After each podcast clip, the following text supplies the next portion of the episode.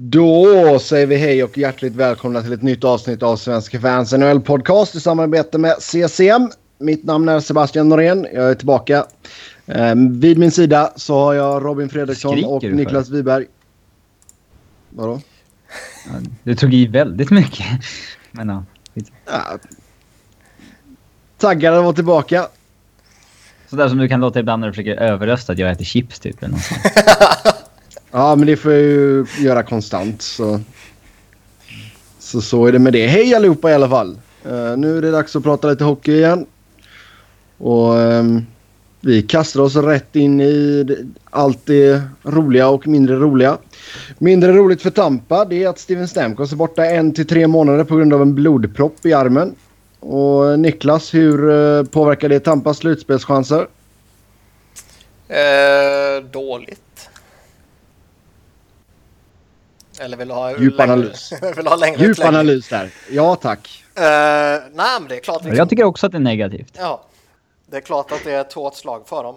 Eh, de har redan Strålman borta och sen slänger Stamkos på det också. Och, vad ska man säga? O- oavsett vad man tycker om Steven Stamkos, om han är en, eh, liksom en, en komplett spelare eller om man tycker att han är en eh, inom situationstecken bara en jävligt duktig målskytt så är det ju oavsett vilket väldigt tungt att tappa honom och eh, kapten och hela det där köret och en av de här drivande spelarna i laget. Och framförallt så liksom Tyler Johnson har ju inte haft den här monstersäsongen så eh, kanske skulle man verkligen behövt Tampa. Och i, eller Stamkos och i synnerhet skulle man nog behövt honom eh, ja, just med tanke på att man redan är försvagade då med tanke på, på Strålman. Eh, som sagt, fortfarande inget nytt kontrakt för Stamkos. Och, ehm, Robin, tror du några lag kan tänka till lite extra efter, innan man går efter Stamkos? Om man skulle gå till Free Agency? Eh, På grund av det här menar du? Mm. Nej, det tror jag inte. Ja, har blivit en vanlig sak nu för tiden. Så att det, Alltså känns det inte som att det har blivit, varit väldigt många hockeyspelare eh, som har åkt på blodproppar? ja, det har varit väldigt inne. Frågan är ju hur det kommer sig att det har blivit så pass många som det ändå har blivit. Eh, har man Vad inte proppar de i sig egentligen? Ja, proppar de i sig någonting och har de proppat i sig några nya grejer nu eller eh, har man bara inte liksom, pratat om det tidigare eller har spelare inte... Alltså Pascal Dupuina, när han, han skrev ju sitt eh, brev eller vad man ska säga på The Players Tribune där han berättar om att han försökte dölja det och sånt här. Eh, frågan är att nu när det har kommit ut några grejer om det är enklare i den här machokulturen som finns att liksom erkänna och gå ut med att man har blodproppar och grejer vilket man kanske inte gjorde förr och sådär. Ja, det är mycket möjligt. Ja, gärna, men det känns ju som att det har blivit helt plötsligt bara sådär hastigt och lustigt och oproportionerligt mycket jämfört med tidigare. Alltså det fin- äh, ja, finns det något samband med att man reser mycket och blodproppar kanske? Jag vet faktiskt inte. alltså man, det finns ju en risk om du sitter still mycket. Ehm, men jag vet inte om det... Jag är ju ingen läkare. Men jag vet inte om det påverkar hela kroppen eller om det kanske bara... Man hör ju mycket att man, man riskerar att kunna få det på något sätt i typ benen om man sitter ner mycket och kanske kör bil mycket eller sådana saker. Jag vet inte om det är över hela kroppen eller om det är just benen. Nej, vi får se. Vi får ta in någon läkare här i programmet någon gång. Eh, Eh, kanske kan göra det i sommar. Uh, får, får vi se vad som händer. Eh, lite fler skador. Eh, Ryan McDonough är borta på obestämd tid med en upper body injury. Hårt slag för Rangers. Eh, ja, han täckte väl ett skott så det är väl larmen tror jag. Men de har väl inte erkänt officiellt vad det är för något. Ragdolls. Eh, men nej, men det är klart. Det är ju deras eh, ledare där bak. Eh, som tur är för dem så kan de ju släppa fram Dan Girardi och Mark Stahl till att bära lasset. Ja, eh, hur... Eh, De har inte gett någon officiell timetable va? De har bara sagt sista... Att Alltså det, det, det, grundserien ut. ja, nej, det jag läste lite sådär halvflummigt var att eh, ja, han kanske missar första rundan. Okej. Och det är klart, det, det kan ju vara ett, det är ett jätteslag för dem ju. För det, det jag sa med Girardi och Stahl var ju inte riktigt sanningsenligt. Eh, det är inte så att de kommer kliva fram och kompensera för att Ryan McDonough är borta. Utan de kommer väl kanske snarare behöva spela ännu mer och dra ner dem ännu hårdare i skiten om eh, Dan Girardi nu inte är skadad efter nattens händelse. Alltså. Mm. Ja, vi får se vad som händer där. Sen i St. Louis så eh, missar Jake Allen och David Det- Backes slutet av grundserien. Det som är lite intressant med Rangers först bara är ju att ehm, här kan man ju koppla in Keith Yandel igen och, och just det här att man valde att behålla honom för det gick rykten att man funderar på att släppa honom och det. Och Ja, där ska man vara glad att man har kvar honom i detta läget. på ett sätt ska man vara det. På ett sätt så säger Ryan McDonough blir borta en längre tid. Alltså har han en handfraktur eller något sånt där så, så kan det ju vara flera veckor om han oflyt ju. Tejpa bara. Ja, nej men alltså då är de ju, då kommer de inte hota i slutspelet utan honom en längre tid. Det är jag helt övertygad om. Och då var det ju ett eh, kostsamt misstag att behålla honom. Om han nu går som UFA, vilket det mesta väl tyder på. Mm, nej, vi får se. Det blir absolut mer press på Yandel att producera i alla fall. Det är en sak som är säkert. Eh, St. Louis där då. Allen och Backes borta. I alla fall eh, missar slutet av grundserien här. De har ju haft en jädra oflytt med skador denna säsongen. Ja, utan att det har påverkat dem särskilt mycket. Nej, faktiskt. Ehm. Sen, vet, sen är det svårt att säga, kommer de bara vila några matcher eller kommer de vara borta några veckor? Det är hygglig skillnad såklart. Men eh, Blues behöver nog ett eh, fullt friskt, eller så friskt det kan vara i den här delen på året, lag för att eh, gå långt i slutspelet. Mm. Framförallt om det liksom tabellpositionerna står sig så att de får möta Chicago. Så, Mm. för, för ä- även om Chicago har färre poäng än Blues så ser jag ju Hawks som ett bättre lag. Ja, absolut. Ja, Jag tänkte kolla där. Ja, Chicago har ju tiebreaken där ifall de skulle sluta på samma poäng. Eh, Så ja, vi får se där. Det är många, mycket skador. Jag tyckte jag, jag läste någonting på Twitter igår att typ det var någon sån här otrolig siffra. Typ 23 procent av alla spelarna i ligan är skadade eller någonting. Ja. Det är, Det är trå- tråkigt. Så, så här när slutspelet ska dra igång. Ja, merparten, Det är charmigt. Kommer väl, ja, merparten kommer väl vara spelklara till slutspelet ändå. Ja. Det är charmigt när det är skadade spelare spelar i slutspelet. Charmigt. Ja, det vet det fasen. Jo, hockeymedia går igång på det som fan. Ja. Nej, jag hade hellre sett att alla var friska och krya så att vi fick se det bästa. De får ju stånd när de får twittra ut, när de får infon efter slutspelet om vad alla haft för skador de har spelat med. Ja, herregud. Skicka ut den. Ja. Berger- Bergeron har spelat med tre frakturer på benet och Ja, exakt. Burns, Burn. Burns spelar med hjärnblödning och krossad testikel. Ja, exakt. Ja, eh, Pavel Datsuk vill inte uttala sig om kommande säsong. Tror vi att han eh, tänker på att tacka för sig efter denna säsongen? Ja, det, ja, det här grundar sig i ett rykte om att han skulle skita i sista året på sitt kontrakt med Wings helt enkelt och Mm. sticka till KHL. Uh, Det går ju lite Det snack om att familjen ja. har stuckit och att han eh, sålt eller ska sälja huset i Detroit och allt sånt där. Uh, ja. Uh, det vore ju ett jävla tungt slag för Wings på det sättet. Han är fortfarande... Man har väl sett en form av dipp i år, men liksom... Rent statistiskt så håller han ju uppe en betydligt högre nivå än Henrik Zetterberg till exempel. Eh, sen har han haft lite oflyt med sin scoring i år, Datsuk. Eh, men... Eh, jag tror fortfarande han hade varit en bra topp 6-spelare i 3-4 år till om han ville. Ja, alltså speciellt för alltså, Wings. De har inte mycket som kommer bakifrån heller. Det känns ju inte som att någon spelare är redo att ta över. Ah, de har en del, men... Uh, inte, jo, men vem... vem liksom. ju, nej, exakt. Det är ju ingen som kan axla Datsuk nästa säsong liksom. Nej, nej, nej. Nej, nej, nej. Uh, men... Uh, skulle ju sätta Wings i en jävla situation också med en... Jag vet, det blir ingen recapture va, men de, har, de tvingas behålla capiten, eller? Uh, ja.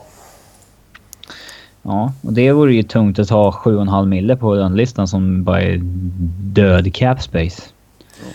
Du har ju redan börjat spekulera så att då är det ju bara att trada den någonstans till Arizona eller motsvarande liksom.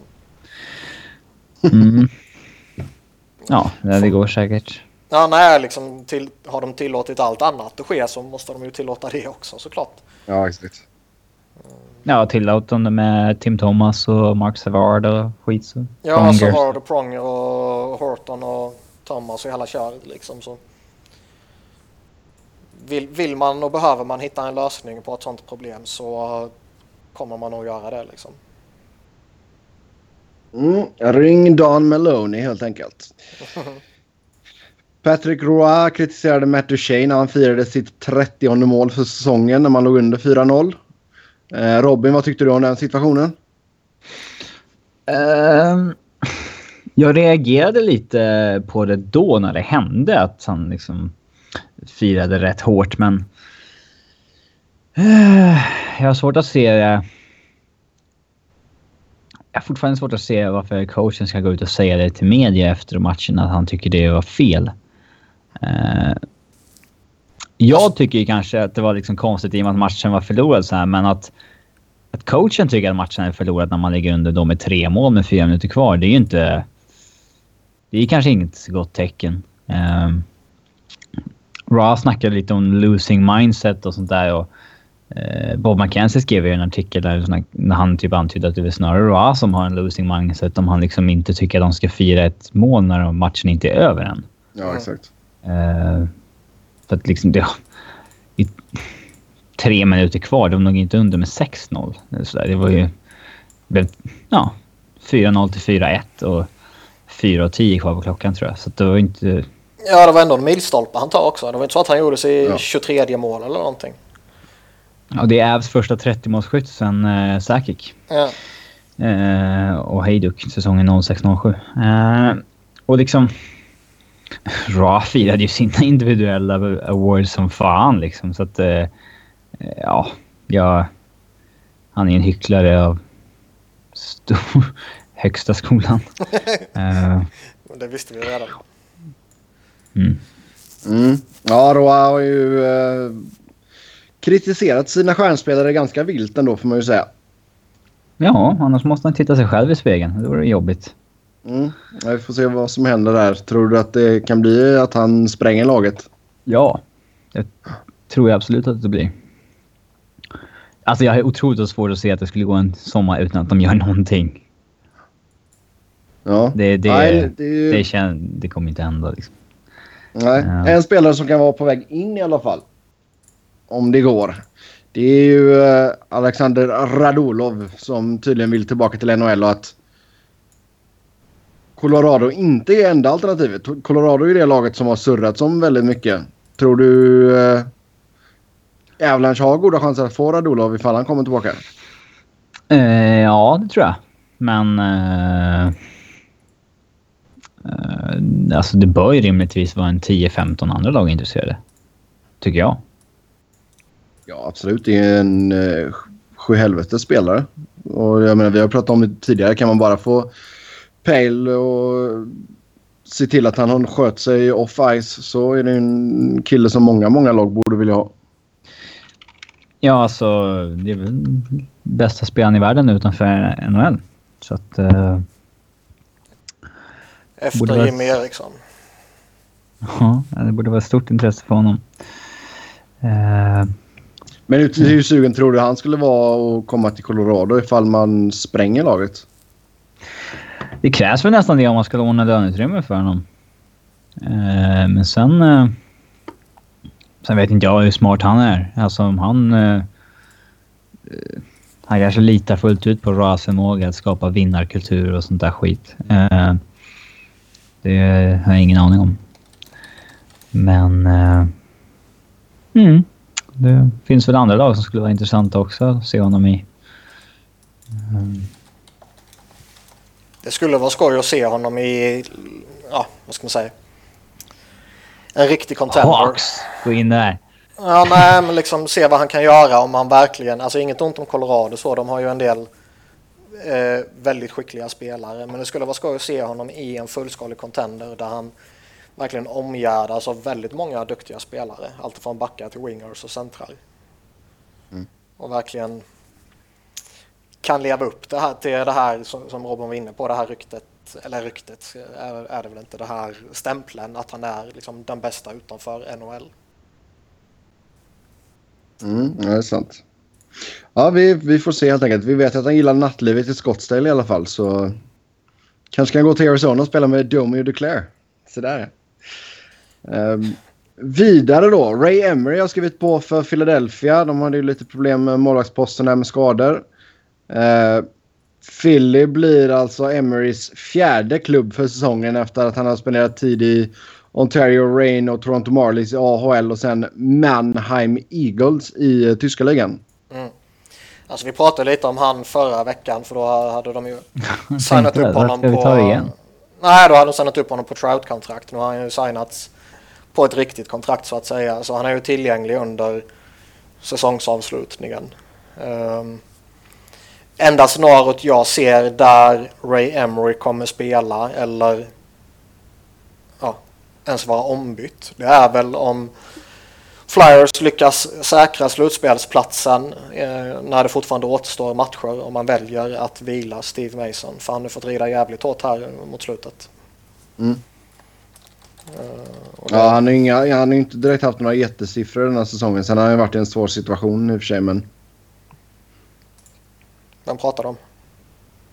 Ray Emery. Ray Emery? Nej, nej, jag var på väg att hoppa på dig för att du snackar skit om Mason. Ja, nej, nej, Mason är bra. Det är ja. ingen, jag har ingenting emot honom. Nej, där var jag på väg att bli arg på dig.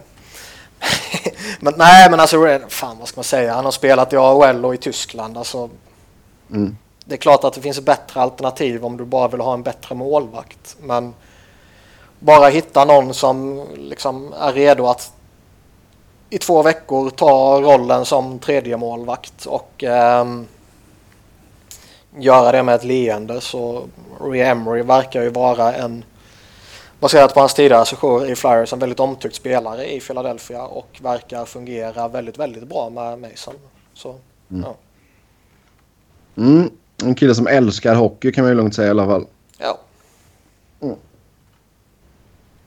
Sen eh, så spekuleras det om att Claude Julien kan få sparken ifall Boston missar slutspel. Och att Mike Milbury kan vara aktuell som ersättare. Ja, men, vi har ju snackat om det tidigare år också. Ja, uh, herregud.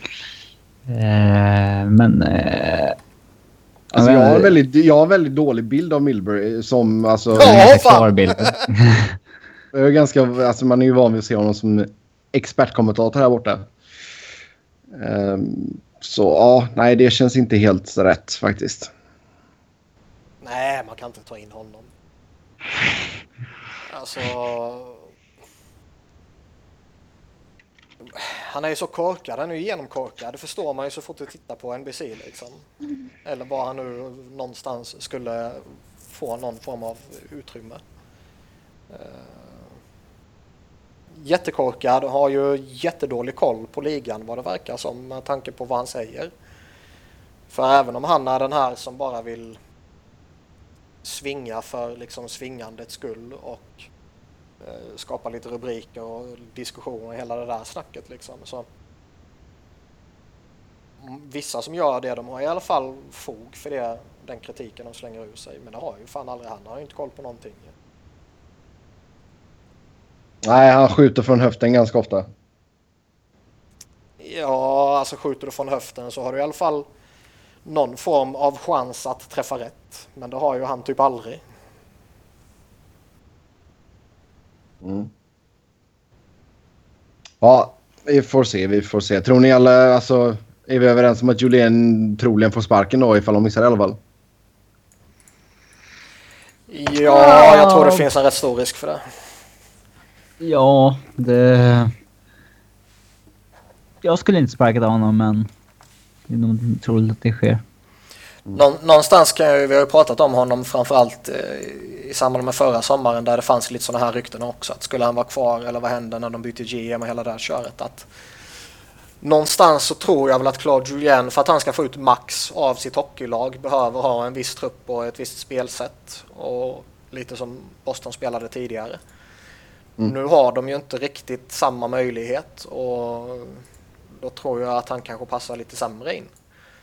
Eh, så jag skulle väl inte bli förvånad om de väljer att eh, liksom göra sig av med honom. Kanske kan man till och med argumentera för att ja, det är tid att göra det. Um, frågan är ju bara om man kan hitta någon bättre. För jag håller ju Claude Julien väldigt högt. Mm. Ja, vi får se vad som händer i Boston där. Sen, vi går in på avstängningen här först innan vi tar våra anonyma målskyttar och poängspelare. Duncan Keith, Chicago, sex matcher. Uh, high sticking på Charlie Coyle i Minnesota. Ja, vi... Bra, får han vila lite inför slutspelet. Ja, han missade en slutspelsmatch. Men mm. jag, jag, tycker inte att det är... Ja, jag tyckte väl att fem matcher var rimligt. Det, jag tycker inte att det här är något, någonting han får gratis för att han är en stjärna. Så där. Jag tycker inte att det här skulle varit någon tio matcher eller liknande. Alltså jag kan ju tycka att uh, han gott och väl kan få betydligt mer än det här. Och uh, skulle det här varit i grundserielunken så tror jag han skulle fått 7-8 matcher. Men NHL har ju någon fått för sig på något sätt att uh, det liksom är värre att bli avstängd i slutspelet än i grundserien. Så... Alltså de matcherna räknas mindre? Ja. Alltså de räknas, ja. Så liksom eh, två grundseriematcher är typ en slutspelsmatch. Ja, det är ett skitsystem. Ja, det är precis det som det här med... Jätteudda. Precis som det här med att det skulle typ... Uh, att folk ska ha blivit avstängda kortare för att en av matcherna innehöll en utomhusmatch liksom och sånt där. Mm. Och det är värre att behöva missa en sån typ. Mm. Mm. Som att det skulle vara några... Ja. Nej, det köper jag inte alls. Mm. Ja. Sen... De borde ha någon jävla... Ja. De borde ha någon jävla domare som sitter i en jävla bunker ute i öken. Inlåst i ett år och inte får veta om det är slutspel eller grundserie. Som får bedöma situationerna. Det hade varit kul. Han lever i ett vakuum helt enkelt. Mm. Ja. Få mat genom en lucka i eh, dörren typ. Mm. Käka burkebönor. Sätta Tim Peel där. Eller sen, vad heter han? Peel? Mm. Tim Peel, ja. Mm. Kan ju inte säga att det känns som ett jättesexigt jobb direkt. Eh, Nazim Kadri i Toronto stängdes av fyra matcher på grund av crosschecking på Luke Glendenning i Detroit. Eh, ja, nej, jag har ingenting emot eh, liksom fyra matcher för en sån grej, för den är ju rätt eh, ful. Problemet är fortfarande att eh, nu har inte jag detaljstuderat den här situationen, jag har sett den två, tre, fyra gånger liksom, men ser man inte sådana situationer lite titt som tätt som inte ens blir utvisning? Jo, det är väl fortfarande väldigt alltså många crosschecks som, som du säger som går unpunished. Ja. Det, det känns som att det beror lite på vilken domare som är där liksom. Ja, exakt. Och någonstans så blir det väl en bedömningsfråga. Det kommer man aldrig ifrån. Men... Eh, ja, nej, jag tycker fortfarande det är lite... Man, man, man ser sådana här situationer som den blir utvisning. Och sen är det fortfarande liksom, den, den är inte schysst på något sätt och det är klart den ska beivras och, och allt sånt där. Men återigen, du har en, en vanlig crosschecking, eller en vanlig, en relativt aggressiv crosschecking, men en klockren huvudpropp ger två matcher liksom.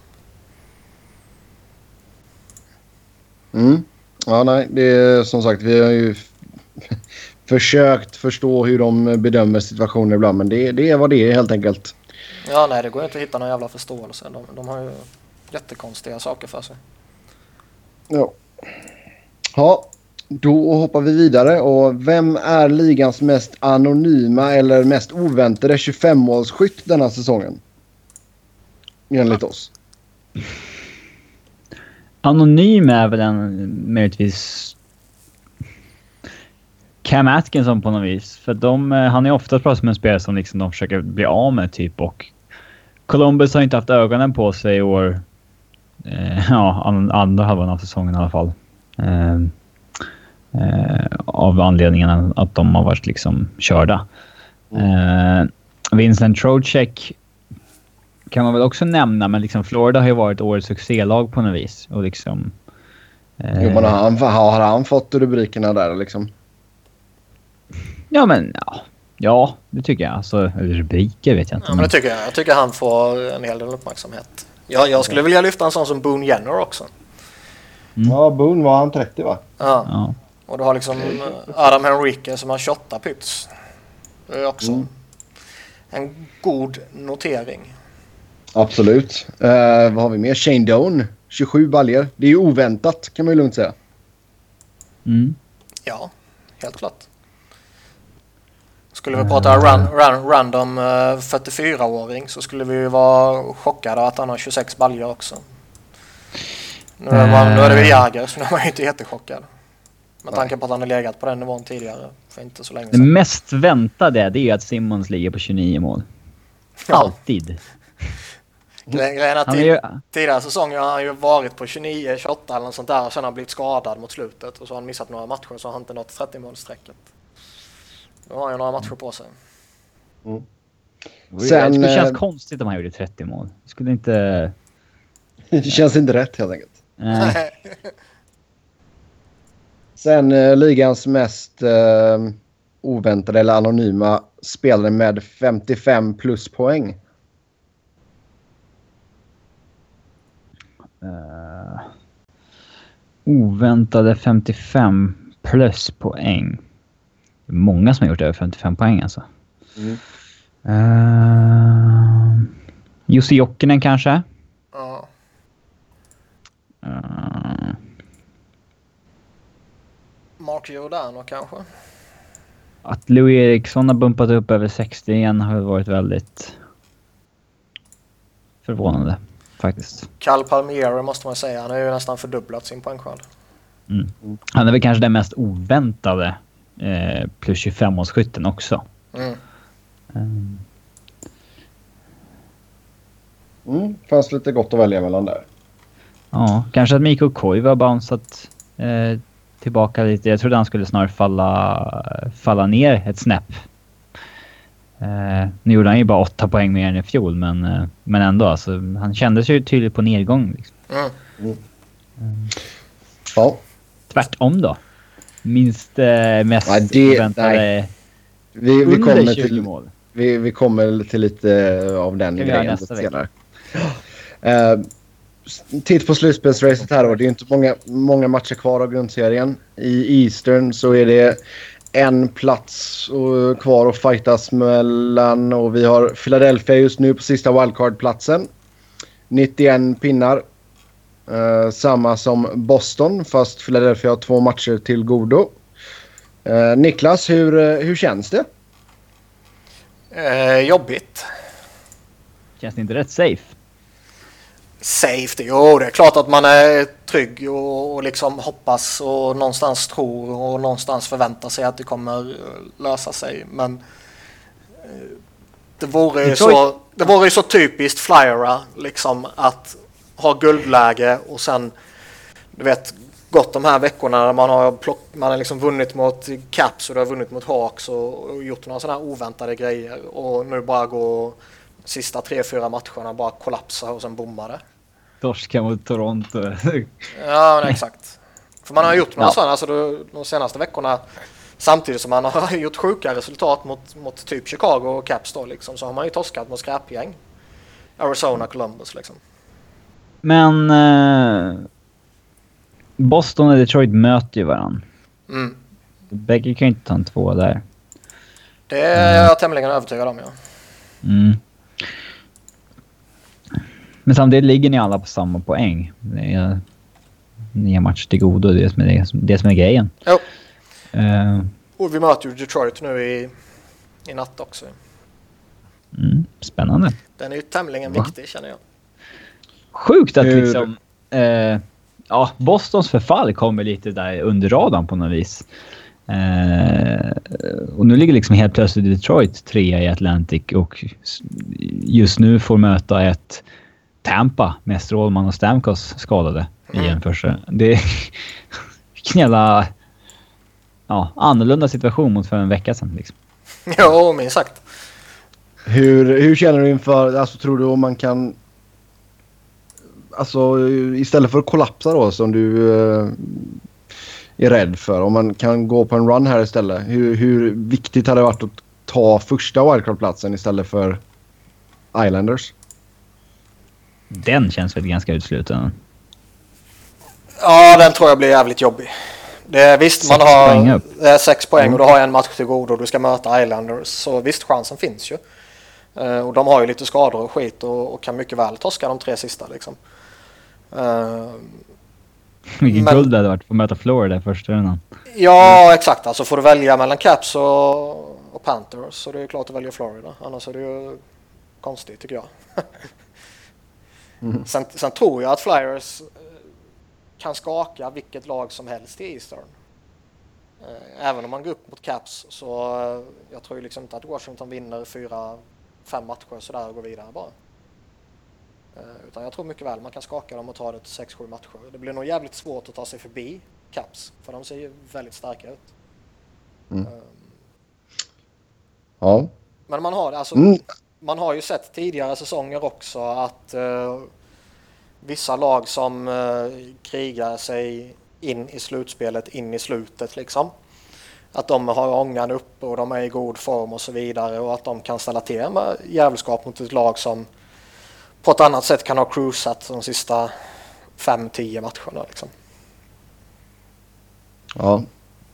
Ja, det är ju det enda riktiga racet som är sådär. Och där det fortfarande är slutspelsplatser. Alltså vi har ju typerintressant, det är som jag sa förra veckan, vi har ju typerintressant läge i Central Division också.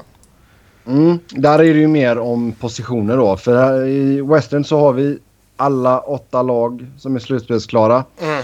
Eh, Central, där leder Dallas. De har 105 poäng. Samma som St. Louis. Och sen har du Chicago på tredje plats med 101 poäng. Eh, samtliga lag har två matcher kvar att spela. Eh, Ja. Sen i Pacific, där leder Anaheim. Eh, 99 pinnar, samma som LA. Anaheim har tre matcher kvar, LA har två matcher kvar. Sen har du San Jose på tredje plats, 96 poäng, två matcher kvar. Sen på wildcard-platserna då hittar vi Nashville 94 poäng, två matcher kvar och sen Minnesota 87 poäng, en match kvar. Ja, och eh, det är ju som jag ser det såklart första platsen i Central som är det absolut mest spännande racet i Western. Eh, som jag var inne på tidigare, just att Chicago vill man väl rimligtvis slippa i första rundan. Eh, om du är Dallas eller St. Louis. Mm. Så den kampen blir ju jätteviktig känner jag. Eh, Det är en stor skillnad att gå upp mot Chicago eller Minnesota. Ja, herregud. Jag känner, Eh, jag känner ju däremot om man pratar Pacific liksom och vinna eller komma tvåa där och gå upp mot San Jose eller Nashville. Det kan jag känna kanske spelar mindre roll. Mm, men om du är tvungen att välja där då? Vilka spelar du helst mot? San Jose eller Nashville? Jag spelar nog helst mot San Jose. För att jag någonstans nog ser en lite högre potential i Predators. Okej. Mm, ja, vi får se vad som händer där helt enkelt. Anaheim alltså. De har verkligen kommit igång här på slutet efter en horribel inledning av säsongen. Vi sa ju hela tiden att det var lugnt. Ja, herregud. Det var lugnt som fan. Exakt. Ingen panik. men ingen men jag panik. tror nog att Woodrows eh, stol var lite het där ett tag. Om vi säger så. Ja, nej, det känns bra. Man hade ju Anaheim som vinnare av Pacific inför säsongen så det känns bra att man ser ut att få rätta det i alla fall. Men alltså Boudreau, vilken otrolig skicklighet han har visat som coach alltså. Eller tur. De var ju all... Alltså de var ju all offense liksom tidigare.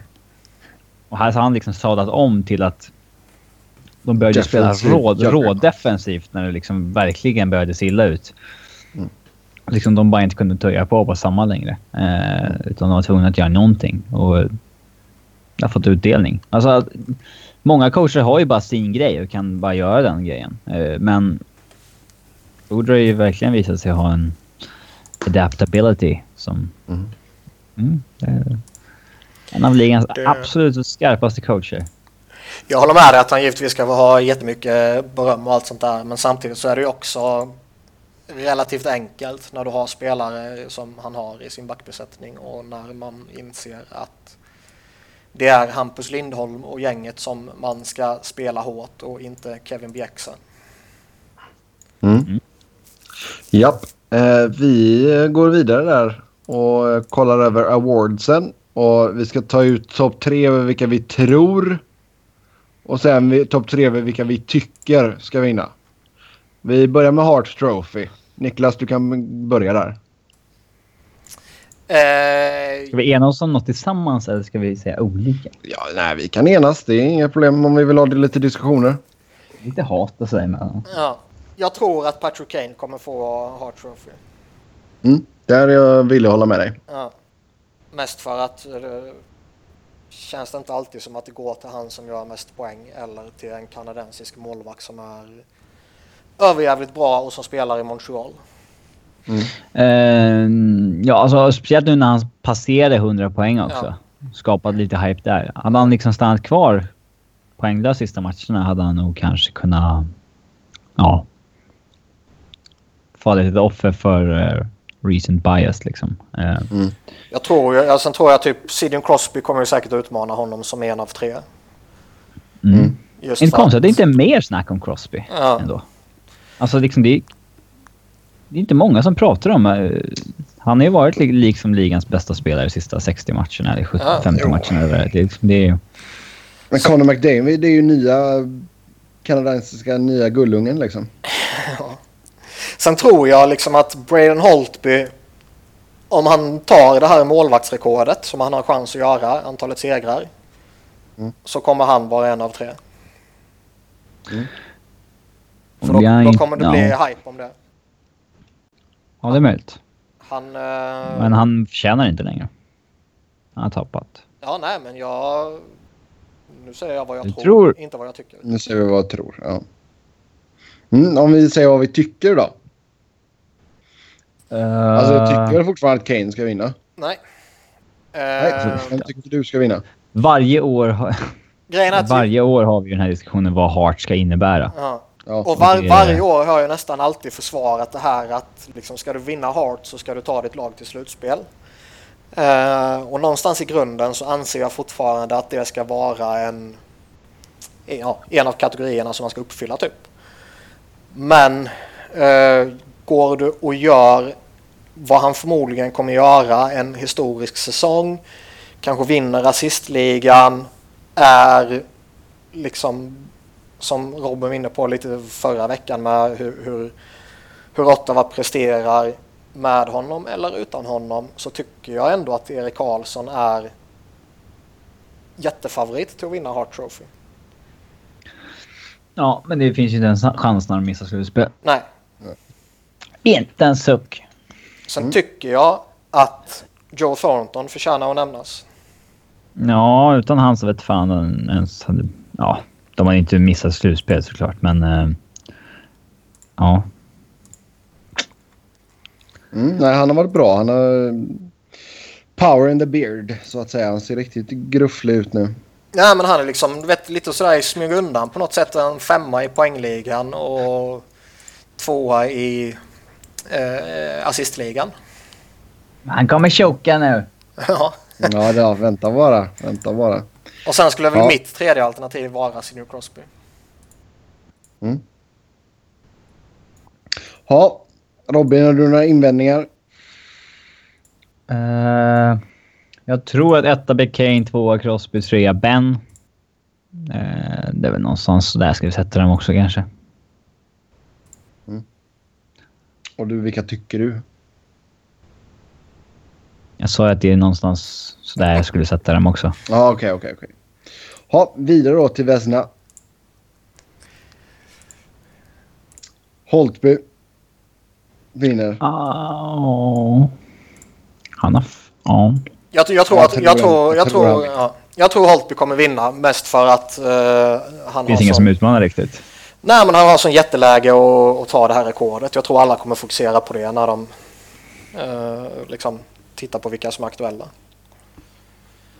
Sen känns det väl som att Henrik Lundqvist kommer givetvis vara en av tre också. Ja, han kommer alltid få sina röster. Ja. Uh, uh, jag tror Bobby Lou kommer få en del röster. Mm, det tycker jag han förtjänar också. Mm. Han har ändå varit en viktig del av, av Floridas uh, ja, säsong. De, de, de, som är bäst rent statistiskt det är liksom så Elliot, Bishop och Crawford. Mm. Och Mason. Det är inte... Os osexiga namn. Uh, ja. Mm. Skulle vi ändra någonting på dem då?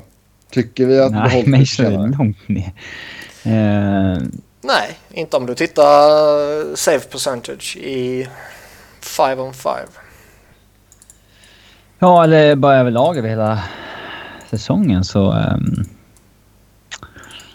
alltså... Nu menar jag ju inte att Mason ska vinna Vetsina. Det är inte det jag menar. Nej.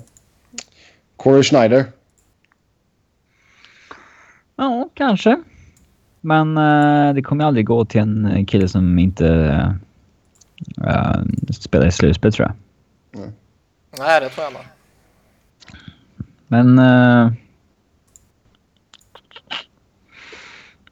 mm, det är rätt svårt. Ja, ja, ja. Jag skulle inte protestera om Crawford fick det i år. Men... Uh, uh, Han är bara den här tidens Chris Osgood. Ja, men han ligger tvåa vad gäller räddningsprocent. Uh, Mm, ja, alltså Bishops har gjort en bra... Ganska öppet i år alltså. Ja, jag alltså, känner lite att... Jag, jag, Holtby-hypen. Alltså... Jag, jag, skulle ju inte... Egentligen skulle jag inte protestera om Braden Holtby vinner. Jag skulle inte protestera om Henrik Lundqvist vinner. Och jag skulle väl inte heller protestera om Bobby Lou vinner. Men om Jonathan Quick vinner, då jävlar. Ja, då måste vi kräva någons avgång. Då bannar vi Sebbe från podden för då kommer han bli helt odöd. Ja, nej då, nej då. Ja, nej. Quick kan vara med i diskussionen. Absolut, absolut. nej. Absolut, absolut. Tar han en 40 vinster vet du, så blir det... Ja. Alltså, vi måste sluta prata om vinster vad gäller målvakters prestation. Det, nej, det är skit att kolla på alltså. Är det målvakternas svar på plus minus? Ja, men det är ju liksom lag. Alltså det är ju det är ju en lagstatistik, inte en individuell statistik. Och det, visst, det kan man ju säga om safe percentage och allt sånt här också såklart. Men mm. eh, jag tycker ändå det säger mer om en målvakt än vad bara antalet segrar gör. Annars kan man ju snacka om det med spelare också. Liksom, så här. Alltså eh, utespelare liksom. Att, eh, ja, men Ovechkin borde vinna Hart för att Washington har flest vinster och han är kapten. Ja. Jaha, liksom. Jo, men samtidigt, alltså det är ju svårt att bedöma. Alltså, du måste ju titta på helheten när det kommer till målvakter också. Jag menar, det är ju ganska givet ibland att lag spelar bättre framför en ordentlig målvakt så att säga. Ja, men vad har antalet vinster med det att göra? Mm, ja, det är att de spelar bättre helt enkelt som lag när en viss målvakt är inne. Eller så men, tar man, eller så tar man fram den gamla klyschan att um, laget anstränger sig hårdare när det finns en sämre målvakt mellan stolparna. Ja, fast gör de verkligen det? Alltså det finns ju många skitbackar i, i ligan. Alltså de absolut sämsta. När de är på, på isen så har ju deras målvakter ofta högre räddningsprocent. Ja, du menar att de måste... Ja, man, de bara nej, nu är den här killen på isen. Helvete också. Ja. eh, men alltså, alltså räddningsprocent är överlägset att titta på vad det gäller målvakter. Ja, Goals against average, det har också för mycket med laget att göra. Och räddningsprocent så är Steve Mason bäst helt enkelt. Herregud. Vinster är laget, goal against average, det är liksom försvarsspelet allmänt. Hur mycket man släpper till. Eh, räddningsprocent, det är mer åt målvakterna. Ska jag säga. Ja. Ja, vi, hop- vi hoppar över till Calder Trophy. Okej. Och d- alltså, där tror jag ju att det kommer gå till Panarin. Med tanke på hur många poäng han har gjort. Jag tror eh, Calder går till Panarin och jag tycker att Calder ska gå till Panarin under rådande regelverk. Däremot tycker jag det är fel att han är aktuell för att få det. Vart ska gränsen gå då? Han är ju inte äldre än de som kommer från college. Om de hade gått in i ligan och gjort det här. Nej, jag vet och vi pratade ju om det här för kan det vara typ tre veckor sedan, en månad kanske. Mm. Eh, någonstans tycker jag ändå att kommer du från Europa och du har liksom flera säsongers erfarenhet av KHL Senior. eller SHL liksom eller eh, om du har spelat i Tjeckien och bara gjort dundersuccé där och så vidare. Så Seniorhockey helt enkelt. ja, nå- någonstans tycker ja det beror ju på. Har du spelat seniorhockey i liksom Japan. Japan? Ja. Så, från det var 14 till det var 20 liksom. Ja. Sen- Ja, exakt. eh, men någonstans tycker jag att där kanske man ska hitta någon form av klausul eller något sånt där att det, de kanske inte ska behandlas som en rookie. Nej, han har ju eh, över 250 matcher i KHL. Ja, Eh, Bör man behandlas som en rookie då? Mm, ja, kanske inte. Mm. Men sen samtidigt. Jag tycker inte att det är fel om en spelare som liksom spelat tre säsonger i Sverige eh, skulle vinna Calder Trophy. Det vore ju inte... Alltså som 21-åring typ. Ja, alltså han kanske har gjort en säsong som fjärdelinare i SHL och sen... Nej, men en tänk om typ William Nylander skulle stannat kvar i, i Sverige. Och kört sina säsonger i seniorhockeyn här hemma och sen gå över och vinna Rookie of the Year. Då hade vi inte sagt någonting. Nej, nej. Jo, Hade vi hyllat jo. svensken. Nej, nej. Ja, exakt. Svenska vikingar som vi är. Ja. Det är bara eh, Robin som är sån här svensk homer fick vi reda på förra veckan. Eh, men jag, någonstans tycker jag ändå att kommer du med en sån bakgrund som han gör så bör man liksom inte kunna vara aktuell för att vinna Calder Trophy. Men när regelverket är som det är så tycker jag verkligen inte att det är någon som kan utmana honom. Nej. Okej, så vi tror att Panarin vinner. Vem tror vi kommer tvåa och trea? tror McDavid kommer tvåa ändå. Han kommer plocka upp så mycket röster ändå, tror jag. Ja, McDavid kommer Alltså det han, har- det han har gjort är ju jävligt imponerande. Det får man ju lugnt säga. Han ligger ju på över, strax över en point per game och Högst points per 60 av alla forwards i ligan.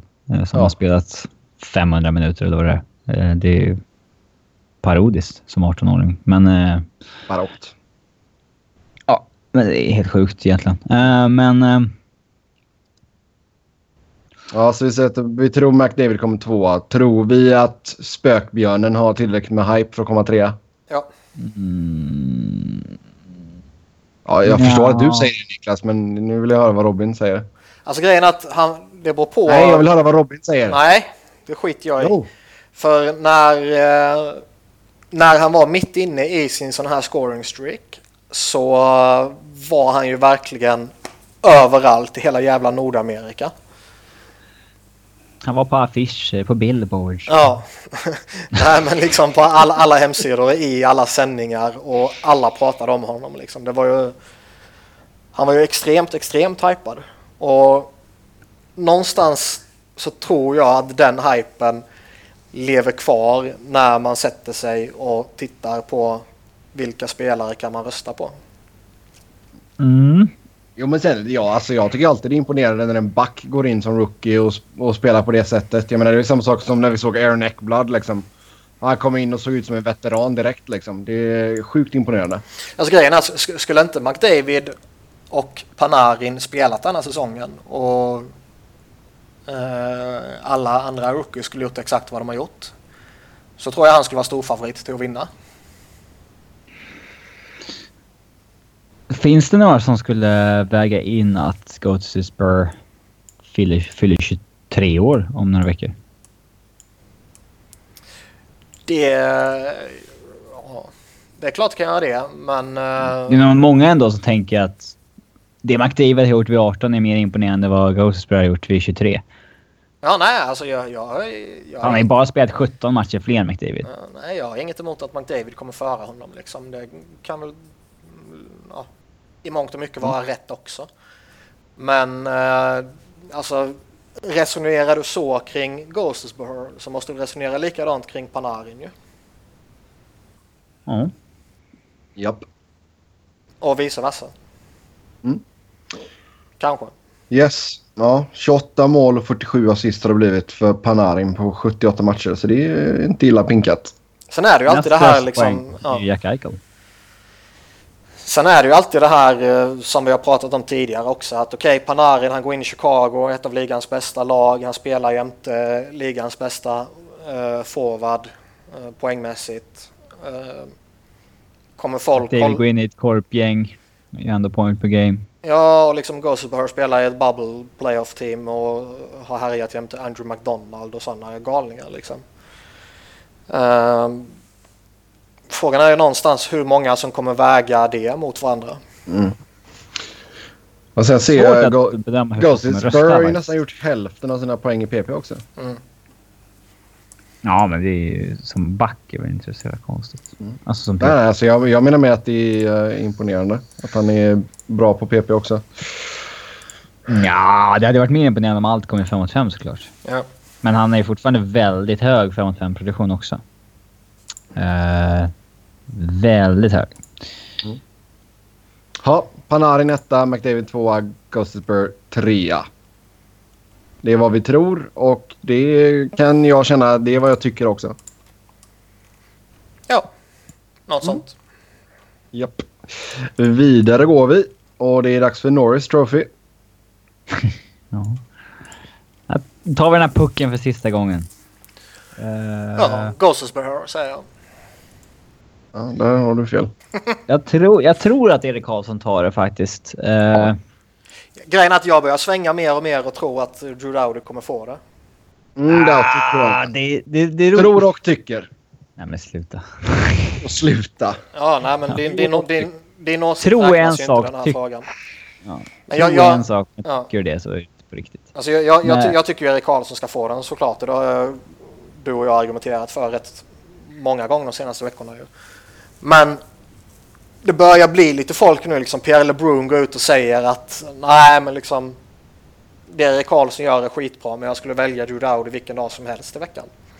Mm. Och jag tror Sånt, att när, när de här stora äh, går ut och säger sådana saker så ja, då känner vissa mindre att jag behöver inte heller be om ursäkt för det. Liksom. Nej, exakt. Äh, eller... men vadå, alltså Doughty fick ju flest första röster förra året. Men vad fan spelar förra året för roll? Ja, Nej, nej, men alltså, jag säger det är ju inte så att det är något nytt att Doughty har kommit out of nowhere liksom. Nej, men, han, nej, men det är det väl ingen som har sagt han, någon gång. Det är ingen som har... Alltså, han, att han inte har vunnit tidigare ska inte spela någon som helst roll.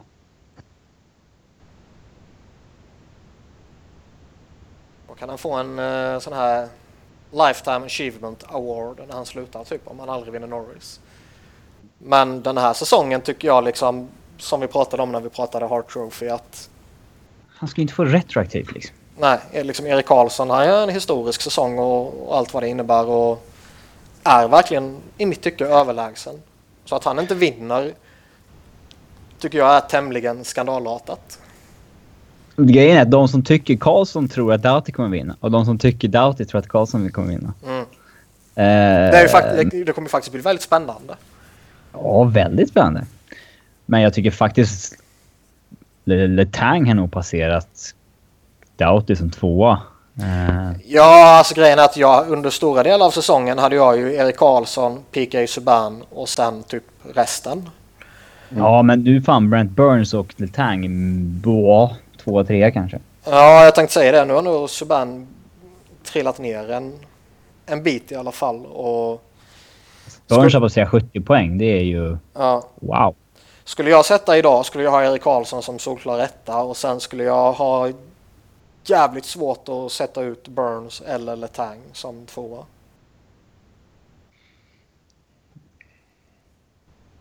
Mm, Doughty etta, Karlsson tvåa, Burns trea. Men är det vad du tycker på riktigt?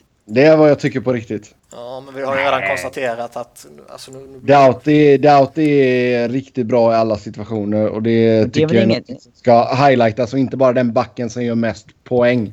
Men nu, att, nu att är det ju så att nu riskerar du att bli avstängd nästa vecka också. Liksom så här... äh, Förminska Erik Karlsson till en kille som bara gör poäng. Det är ju... Jag säger Det är inte att han trams. bara gör poäng men Det var exakt det du sa är precis. Doughty är en bättre allround defenseman. Det är det jag tycker ska belönas. Inte bara att, att man gör flest poäng. Men det är, nu säger jag att det bara är mest poäng igen. Det är ju inte det. Det är ju så det har blivit med Norris. Ja, men Alltså grejen är att jag, jag, jag, jag, är. jag har ju själv fört det argumentet tidigare år att liksom Norris Trophy ska vara för mer än bara produktion. Eh, Han är inget Men det- skämt bakåt. Det är ju inte så. nej, alltså får jag välja mellan uh, Dowdy och Erik Karlsson när jag vet att det är 45 sekunder kvar och jag vet att motståndaren har pucken i min zon. Spela 6 mot 5 eller 6 mot 4. Ja. Så, ja. Då väljer jag ju Ja. Dowdy, men det innebär ju inte att Erik Karlsson är dålig. Han har blivit betydligt mycket bättre än vad han en gång var. Ja, och hela paketet. Där är Erik Karlsson Ja. bättre. Ja. Men visst, Eh. defensivt är inte Erik Karlsson bäst i ligan. Hade det varit en Nej. Defensive Defenseman Award så hade han inte han vunnit det. Eh, ett offensiv back award hade han garanterat vunnit. Och om man lägger ihop båda till en allround så tycker jag att hans... Eh, om man plussar ihop bägge delarna helt enkelt Mm. är han etta. Jo, men det är ju en smaksak liksom. Jag tycker Doughty är bättre overall än vad jag tycker Karlsson är. Men det är inte så att det är någon jätteskillnad. Sen är, gör Burns Jo, ett jävla case för sig själv också. Jag tycker Bur- Burns har haft en kalassäsong också. Men Ja, tycker du inte att man måste kunna producera ganska mycket offensivt för att vara en... Um, bli utnämnd till världens bästa back i dagens hockey? Men jag tycker inte hans... Alltså, nu ligger han också på vad 0,64 point per game. Det är ju inte dåligt. Vet du hur många backar i ligan som har spelat mer än 500 minuter som har producerat bättre per timme än Doughty?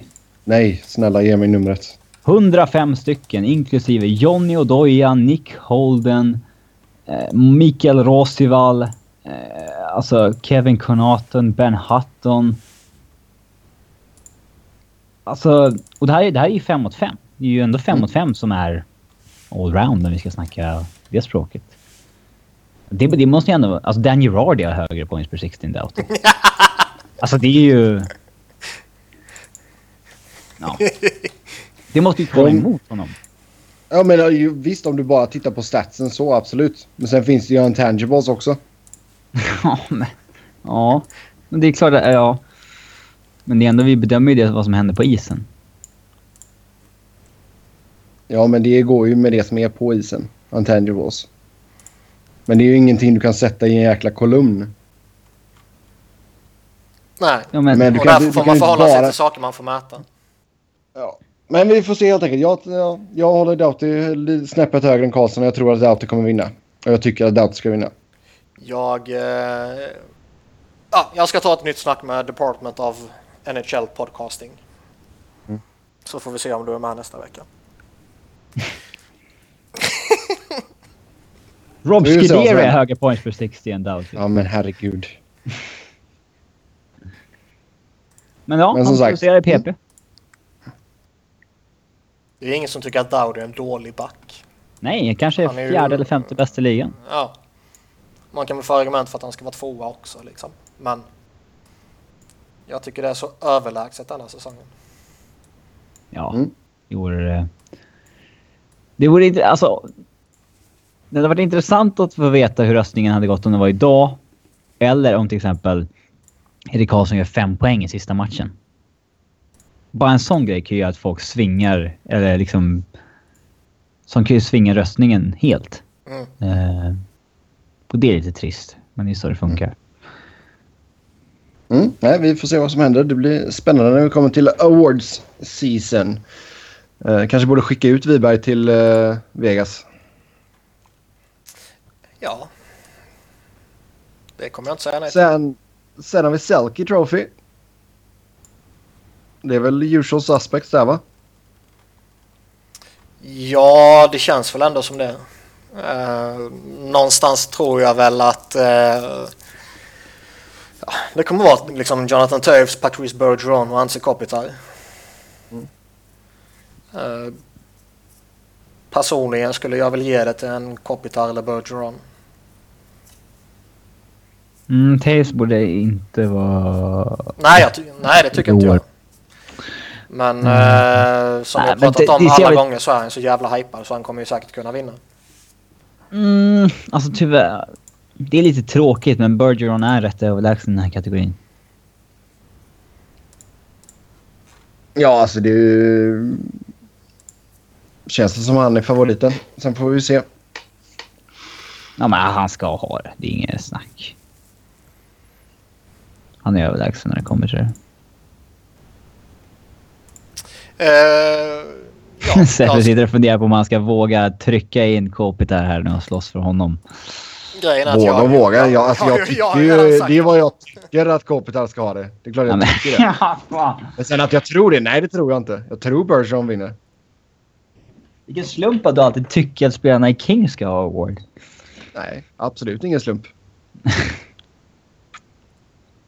Det sticker jag inte under stol med heller. Mm.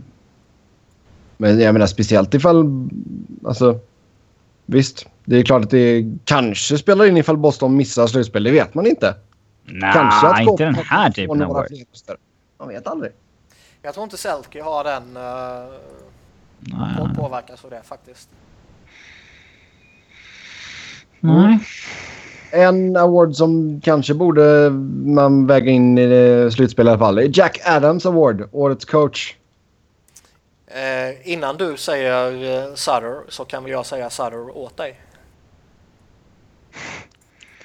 Mm. Jag hoppas inte det går till eh, Galant i Florida i alla fall. Jag tror han kommer vinna. Ja, det tror jag De med. måste sluta ge det till de här coacherna som liksom inte är bra på riktigt. Utan, alltså, de, visst, han är inte, jag tror inte han är dålig faktiskt, men... De får ju sluta ge till lag som bara uppenbart haft mest flyt under året. Ja. Det är liksom, det börjar ju bli parodi.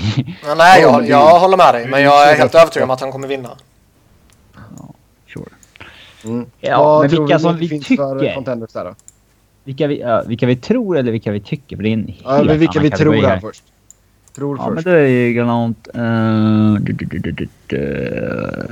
Barry Trotz Ska kan nog ligga nämnas? Va? Ska Boudreau nämnas efter den turnarounden som Anaheim har haft? Jag tycker att han bör nämnas, men jag tror inte han kommer nämnas. Okej. Capuano? Nej. Ja, kanske nämns. Vad, eh, Mike Sullivan, hur förhåller vi oss till honom?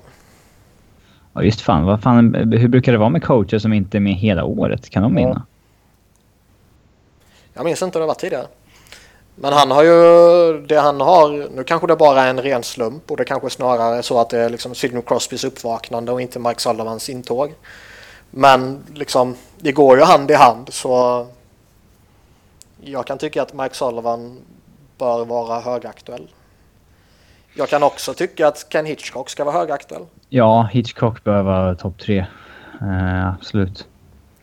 Eh, ett litet halvt homerpick är ju Dave Hackstall som ändå har, om man tar sig till slutspel, har gjort en jävligt bra säsong från... Ja, och det är sådana eh, val som inte borde vara med. Ja. Att ta laget som precis når slutspel. Sådär. Som egentligen kanske inte borde gjort det. Jo, men du vet, eh, jag, jag skulle väl förmodligen inte ha med honom min topp tre liksom. Men du vet ju hur det kommer resoneras att eh, ja, men han kommer från college, han tog över Flyers som var lite i kaos och med den backbesättningen och så vidare och han tog dem till slutspel. Eh, jag, jag, tror, jag tror han kommer få röster. Ja. Och eh, våran topp tre som vi tror. Eller som vi tycker. Eh, Mike Sullivan, Barry Trotz, Ken Hitchcock. mm. Kanske inte i den ordningen. Alltså, så jag tycker inte... Alltså jag vill gärna Sutter pilla in av- där alltså. Sutter är en av ligans bästa coacher, men jag tycker inte att han är liksom, direkt bättre i år än i fjol när han missade. Mm. Alltså så att det är svårt på det sättet, men... Uh... Mm. Ja, nej, här... alltså Niklas, din lista är väl helt okej. Jag vill nog pilla in Boudreau. Faktiskt. Det vore konstigt om Trots inte är med på en topp tre när han har 117 poäng med Caps. Mm. Ja, jo, absolut. Uh... Mm. Ja, lite att välja på det här i alla fall. Och sen awarden som vi gillar minst, GM of the year. Ja. Eh, Dale Talon kommer vara nominerad ju. Ja. Bara för att han... Han kan man argumentera för att han gjorde lite fel snarare när han... Hur han agerade vid deadline, men... Ja, jo, men han kommer ju ändå vara en av tre nominerade. Det är jag helt övertygad om han kommer vara. Stan mm. Bowman kommer vara det också. Och... Ja, det vore ju lite konstigt kanske i och med att han kanske haft en av sina sämre år som GM. Ja, ja, men... Sharp-traden och... Jo, jo, men han vet... Han lyckas bygga om Chicago igen och bla bla bla och nu är de fortfarande ja. en contender och bla bla bla. Uh, bla bla bla. Jag tror Brian McLellan kan vara aktuell också. Ja, men det borde Han har ju faktiskt gjort en del grejer som är imponerande på riktigt. Han fick in liksom TJ Oshie mot en sämre spelare. Han signade Justin Williams på ett bra kontrakt och liksom mm. lyckas dumpa Brooks Leitch och hela det kören. Ja. Mm. Det är en... Uh, han bör vara aktuell på riktigt. Mm. Uh. Sen är ju det precis som vi sa i fjol, uh, men i fjol sa vi att Tim Murray hade gjort en av de, hade varit en av de bästa för året och i år kan man säga att ja, det är väl Lulla Morella i så fall i Toronto som har gjort en av de bättre ur den synvinkeln. Mm. Jag tycker väl att en sån som, även om han har fått mycket skit de senaste åren så tycker jag faktiskt att Dog Wilson förtjänar en del beröm för den här säsongen. Mm, han bör ju diskuteras efter Polak trade, alltså... Ja, jo, och framförallt så efter allt han har samlat på sig genom åren. Men liksom få in eh, Joel Ward som ändå har gjort nytta för dem. De fick in Paul Martin som har gjort nytta för dem. Uh, han har fått in två kompetenta målvakter ändå liksom. Mm. Uh, och någonstans kommer man väl alltid Någonstans får han väl beröm då för att åh, han behöll Joe Thornton. Ja, trots att de bråkade. ja. Uh, svalde sin stolthet och behöll Joe Thornton och Joe Thornton har varit en av ligans bästa centrar liksom. Mm. Uh, sen, sen, ja, sen förstår ni ju allihopa som uh, lyssnar att jag såklart kommer föreslå Ron Hextall. mm. Inte som någon favorit men uh, någon som ska vara med i, i snacket liksom. Vem bör ha Mike Milbury Award då? Ligans sämsta GM? det är ben. väl Benning eller Kekkelainen. Kekkelainen. Tänkte också från. Det är väl dödslopp mm. mellan de två kan jag känna. I år. Ja. Då går vi vidare. Um, vilka spelare har överraskat oss i år? Kan baka ihop det. Vilka lag och vilka spelare? Eh, Ja, först kan man väl alltså, lika gärna bara sopa av Jaromir Jagr. Alltså... Och Florida. Ja. Det jag, alltså, jag vet inte om det är överraskande med Florida. Det finns alltid lag som studsar upp så här och man ser att de inte är bra på riktigt, men...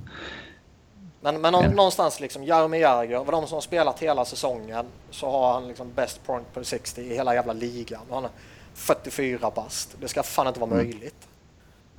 Det är inte så att han vad gäller liksom Corsi och Fenwick och sådär ligger efter där. Snarare tvärtom, att det är han som är en drivande spelare där. Det är han som bär kedjan han spelar i. Mm. Och det är ju faktiskt det är helt sjukt. Det är inte som att Timo Selno åkte runt som 43 år och var liksom urkast men alla tyckte att det var jävligt coolt att han var med när han var 43 ja. och hyllade honom. Uh, alltså, jag, jag, jag måste man ju hylla liksom. Uh, jag tycker man förtjänar att lyfta Joe Thornton också. Det är liksom en, eh, all kaoset som har varit kring honom och Sharks och allt sånt där och ändå går han in och är tokbra den här säsongen. Det men det har inte överraskat mig. Komma. Ja, på ett sätt visste man ju att han, jag har ju hela tiden sagt att han fortfarande är en av ligans bästa playmakers och, och hela det där köret. Men att han faktiskt eh, liksom skulle gå in och leda Sharks på det sättet, det, det ser jag ändå som en liten överraskning. På samma sätt som man kanske kan argumentera för att det är en överraskning att Erik Karlsson går mot en historisk säsong. Mm. Ja, fast det är det ju inte. Jo, all, all, alla visste ju att han var jättebra, men uh, att, man går in, att han går in och gör en sån här supersäsong tycker jag ändå är men, en Vad hade du tippat på? 65 poäng kanske? Ja. Är det då konstigt att han landar på 80? Det är mycket, det är väl inte så här... Det är en ganska stor ja, skillnad. Robert. Nej, det är lite mer stolpe in på. Alltså, 15 Nej, poäng. Det är inte, inte i det här fallet. Procent, nej, procentuellt sett, det är en väldigt stor skillnad. Det är, ändå en, det är en ändå historiskt bra säsong. Det är ju ingenting man kan förvänta sig liksom. Nej, man, men det är jätteöverraskande kan... att han skulle göra det.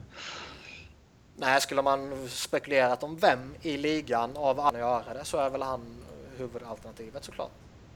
Men... Uh... Han, vi får kolla vad han har lagt, satt upp för poäng senaste åren. Det är väl inte jätteöverraskande att han gör typ 10 mer än vad han har gjort tidigare. På ett sätt inte. På ett sätt tycker jag det är jätteöverraskande att en spelare går och gör en historiskt bra säsong under den här eran. Han har snittat 74 poäng eller något sånt där senaste tre åren innan dess. Mm. Eller 72, 73 någonting. Nu 80. Det, jag tycker inte att det är en jättemarkant förbättring. Jo, jag tycker nog det. Nu ska, Mindre än 10 nu. Nu, eh, nu ska du inte sitta här och hata på Erik Karlsson. Men jag, nej, jag tycker ändå liksom man, man, kan inte förvänta sig att någon spelare ska gå in och göra en historiskt bra säsong. Och grundat i den så är Erik Karlssons monstersäsong en liten överraskning anser jag. Men överraskningar, det är Jussi Jokinen, Louis Eriksson kanske, att han bouncear tillbaka och sådana där. Ja. Mm. Shane Down. Ja. Ja. Produktionsmässigt. Produktionsmässigt, ja. Många mål från den gamla veteranen. Eh, några andra lag som har eh, överraskat oss. Förutom Florida. St. Louis tycker jag man förtjänar att nämna igen. Det är liksom det, det de gör med den här skadeproblematiken och allt sånt där. Och, ja, det är imponerande. Mm, ja. Om vi tittar på andra sidan av spektrat då. Lag som har varit besvikelser samt spelare som har varit underwhelming. Alltså för min del är det väl två lag som står ut. Det är ju Montreal såklart och Winnipeg. Columbus trodde man väl inte skulle vara så här genomusla heller. Nej, men det var inte så att de var liksom... Montreal Nej. såg man ju ändå som ett tokgivet slutspelslag och Winnipeg eh, var ju ändå sån där... De var ju ändå som skulle hota. De, de ska ändå vara med där uppe liksom. Sen om du bommar mm. slutspel i Central, ja det är ju ingen skandal. Men då ska du liksom ligga precis bakom strecket ju. Så mm. de, de, två står ju ut lite extra för mig. Uh, Columbus skulle väl legat lite högre, absolut. Ja, men de har ändå varit och nosat på slutspel senaste åren och man har ju liksom kanske inte trott att de skulle ha Nej, näst, näst sist i isten och sådär. Absolut. Uh, Alltså resten av ligan är faktiskt rätt väntad. Alltså det är inte så... Ja, det är sant. 77 poäng för Arizona. Det trodde vi alla. Ja, ja men att, att, liksom, att de kommer 24 istället för 28, det är väl inte liksom... I så fall kan man nämna New Jersey också. De har väl kanske 10 poäng mer än man trodde. Ja. Mm, spelare då? Besvikelser? Jake the Snake Voracek, kan man säga. Eh, säger det bara för att göra mig arg, det vet jag. Nej, jag hade kanske... Jag hade kanske varit lite besviken på honom eh, när man gett honom ett sånt där superkontrakt och han kommer tillbaka och gör... Jag är, eh, jag är besviken på honom, absolut. Det är inget snack om saken. um, det, enda, det, den, den, det enda jag kan säga det är ju att Bortsett från lite nu mot slutet när han kom tillbaka för tidigt från sin skada liksom. Så har han sällan sett dålig ut. Det var lite i början när han inte gjorde sina poäng men liksom han, han spelade bra, han bommade liksom tre, fyra öppna mål och han satte 3-4 i stolpen med lite flyt där så skulle han vara på 20 mål nu och ingen skulle kalla den här säsongen för, för ett misslyckande. Liksom. Så, så jag, det är klart jag är besviken men jag är inte vidare orolig för honom. Inte? Nej, och liksom någonstans skulle man väl ändå vara... Alltså det, det är jävla skillnad om kontraktet skulle ticka in den här säsongen. Eller som nu att han fortfarande är kvar på det gamla. Är det en så stor skillnad verkligen? Ja, för han tjänar ju hälften av vad han... Liksom ja, men från och med nästa säsong ska han, har han ju betalt för att göra point per game och han har gjort det en gång hittills i sin karriär. Ja. Men om man dömer honom ut efter de 4, vad har han? 25. Så visst. Ja. Men jag, jag förstår vad du menar givetvis och någonstans så är han givetvis en jättebesvikelse men jag är inte jätteorolig för honom heller. Eh, Uh, vad har vi mer för besvikelser då? Taves såklart. ja, Otroligt dålig. ja, Uh, tämligen oduglig. Och där kan vi snacka om en snubbe som går in på ett jättestort kontrakt och som verkligen inte presterar ut efter det kontraktet. nej, verkligen inte. Uh. Medan Kane till exempel har gjort raka motsatsen. Kessel, eh, land, alltså åh, han börjar ju närma sig sina... Han han har 26 mål och... Ja, men det är 60 poäng typ. Och, Men att jag, för några veckor men sedan... det är fortfarande en besvikelse ska jag säga, men inte lika Nej. stor som man kanske anar. För några veckor sedan så i powerplay så hade jag ju han som den största besvikelsen. Ehm, nu är det som han säger, nu har han kommit igång lite. Marian Gabrik tycker jag fortfarande man måste slänga skit på även om han är skadad och sådär. Uh, Derek Stefan Mm. har väl inte riktigt tagit det där klivet. Nej. Och någonstans så både Zäta och Datsjuk kan ju förtjäna nämnas. Ja, men jag tycker ändå att det är rimligt i deras fall. Alltså att de, Ja, absolut. absolut. de börjar Men- bli gamla. Absolut, men det är likväl ett Ehm. faktum.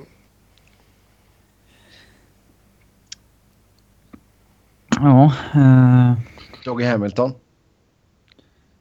Han har i alla fall kommit Eh. igång med produktionen nu igen och går mot en liknande säsong han hade.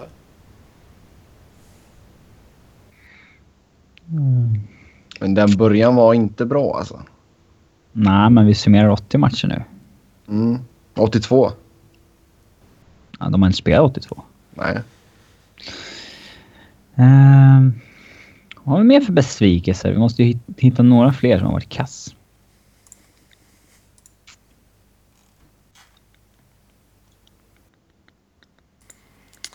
Ja, säg något under tiden bara. Mm. Nej, jag vet inte. Thomas Wallmark, han är fan inte bra längre. Nej, men det började man ju ana redan i fjol. Kanske. Jo, absolut. Ehm, Rick the Dick kanske. ja. Den eviga besvikelsen. Ja. Ja, vi, vi nöjer oss med det helt enkelt så går vi vidare. Jakob Eh, Silfverberg. dags- Åh gud. Silverberg. Ja. Han som har kommit igång så fantastiskt på slutet. ja, på slutet ja. Men det är 82 matcher vi ska bedöma. Ja, exakt. Nu summerar vi allihop. Vad har han då? Ja, vad ligger han på? Strax under 20 har jag för mig. Strax under 20 mål, eller vadå? Ja. Ja, men det är väl mer än vad han har gjort tidigare någon gång. Not good enough. Nej. Ja. Med det så går vi vidare till redraften. Vi har kommit till 2007. Och Det är dags att göra en ny topp 15. Etta gick Patrick Kane. Och ehm, är det någon som tänker säga något annat där? Ha! Uh, the entire Russian U18 roster is replaced by, with younger players one day before leaving for the world's biggest mass doping scandal in hockey. Mm. Fan vad sjukt! Ja, det där breakade ju för typ två timmar sedan. Kanske borde tagit med det i körschemat. Det har jag inte sett förrän nu. Mm. Hela U17-laget har... Eh, Lyfts upp. ja. Ja. Fan vad sjukt! Jävla ryssar. ja. Sånt där skulle vi aldrig göra i Sverige. nej, nej, nej. Ingen svensk har dopat sig. Nej, Ever. exakt. Ever.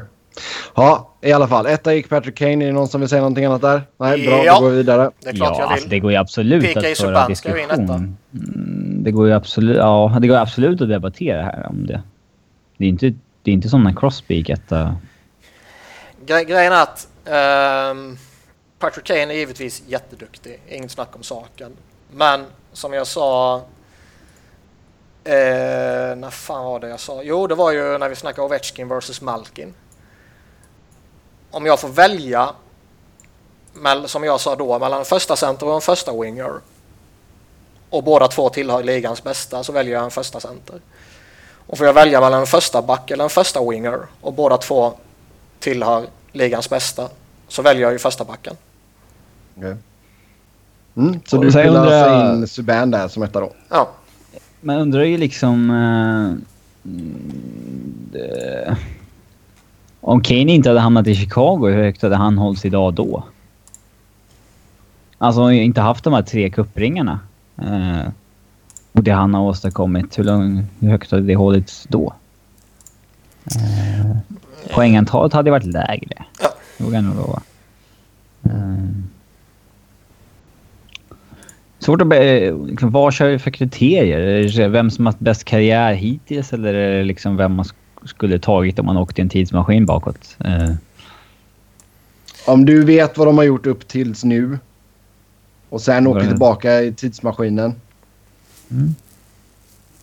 Plockar du Kane eller plockar du Subban? Då tar jag nog... Uh, Subban. Okej, ja, då sätter vi Subban som etta. Tvåa, Kane där gick, två. Där gick James Van Riemsdyk. Då sätter vi Kane som tvåa eller vill vi göra någonting annat där? Mm, nej, det kan jag köpa. mm. Nej. Trea, det gick Kyle Turris. Ja.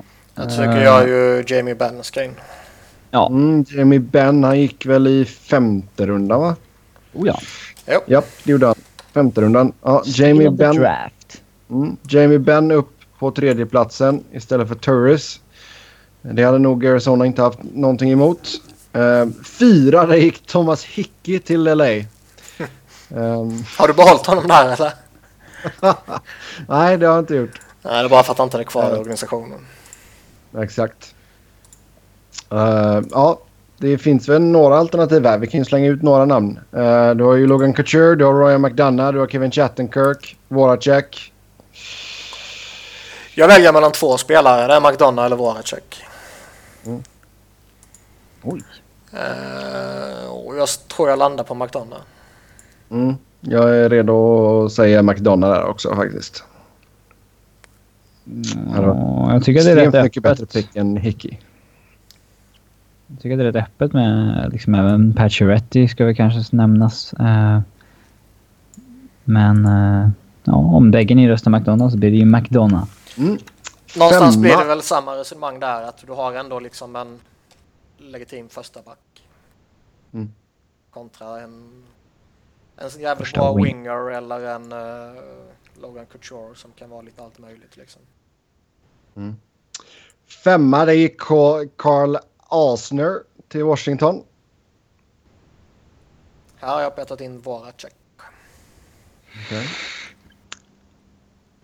Uh, jag skulle nog hellre ta Logan Couture. Ja, det hade jag nog också gjort. Så då blir det Couture där på femte. Det säger ni bara för att är Eh. jag. Sam Gagner gick som sexa till Edmonton. Där kan vi sätta vårat check. Så hade vårat check hamnat i Edmonton då. Fy fan vad hemskt. ja men det är klart jag, jag hade ju han femma så det är klart jag har han som sexa nu. Ja.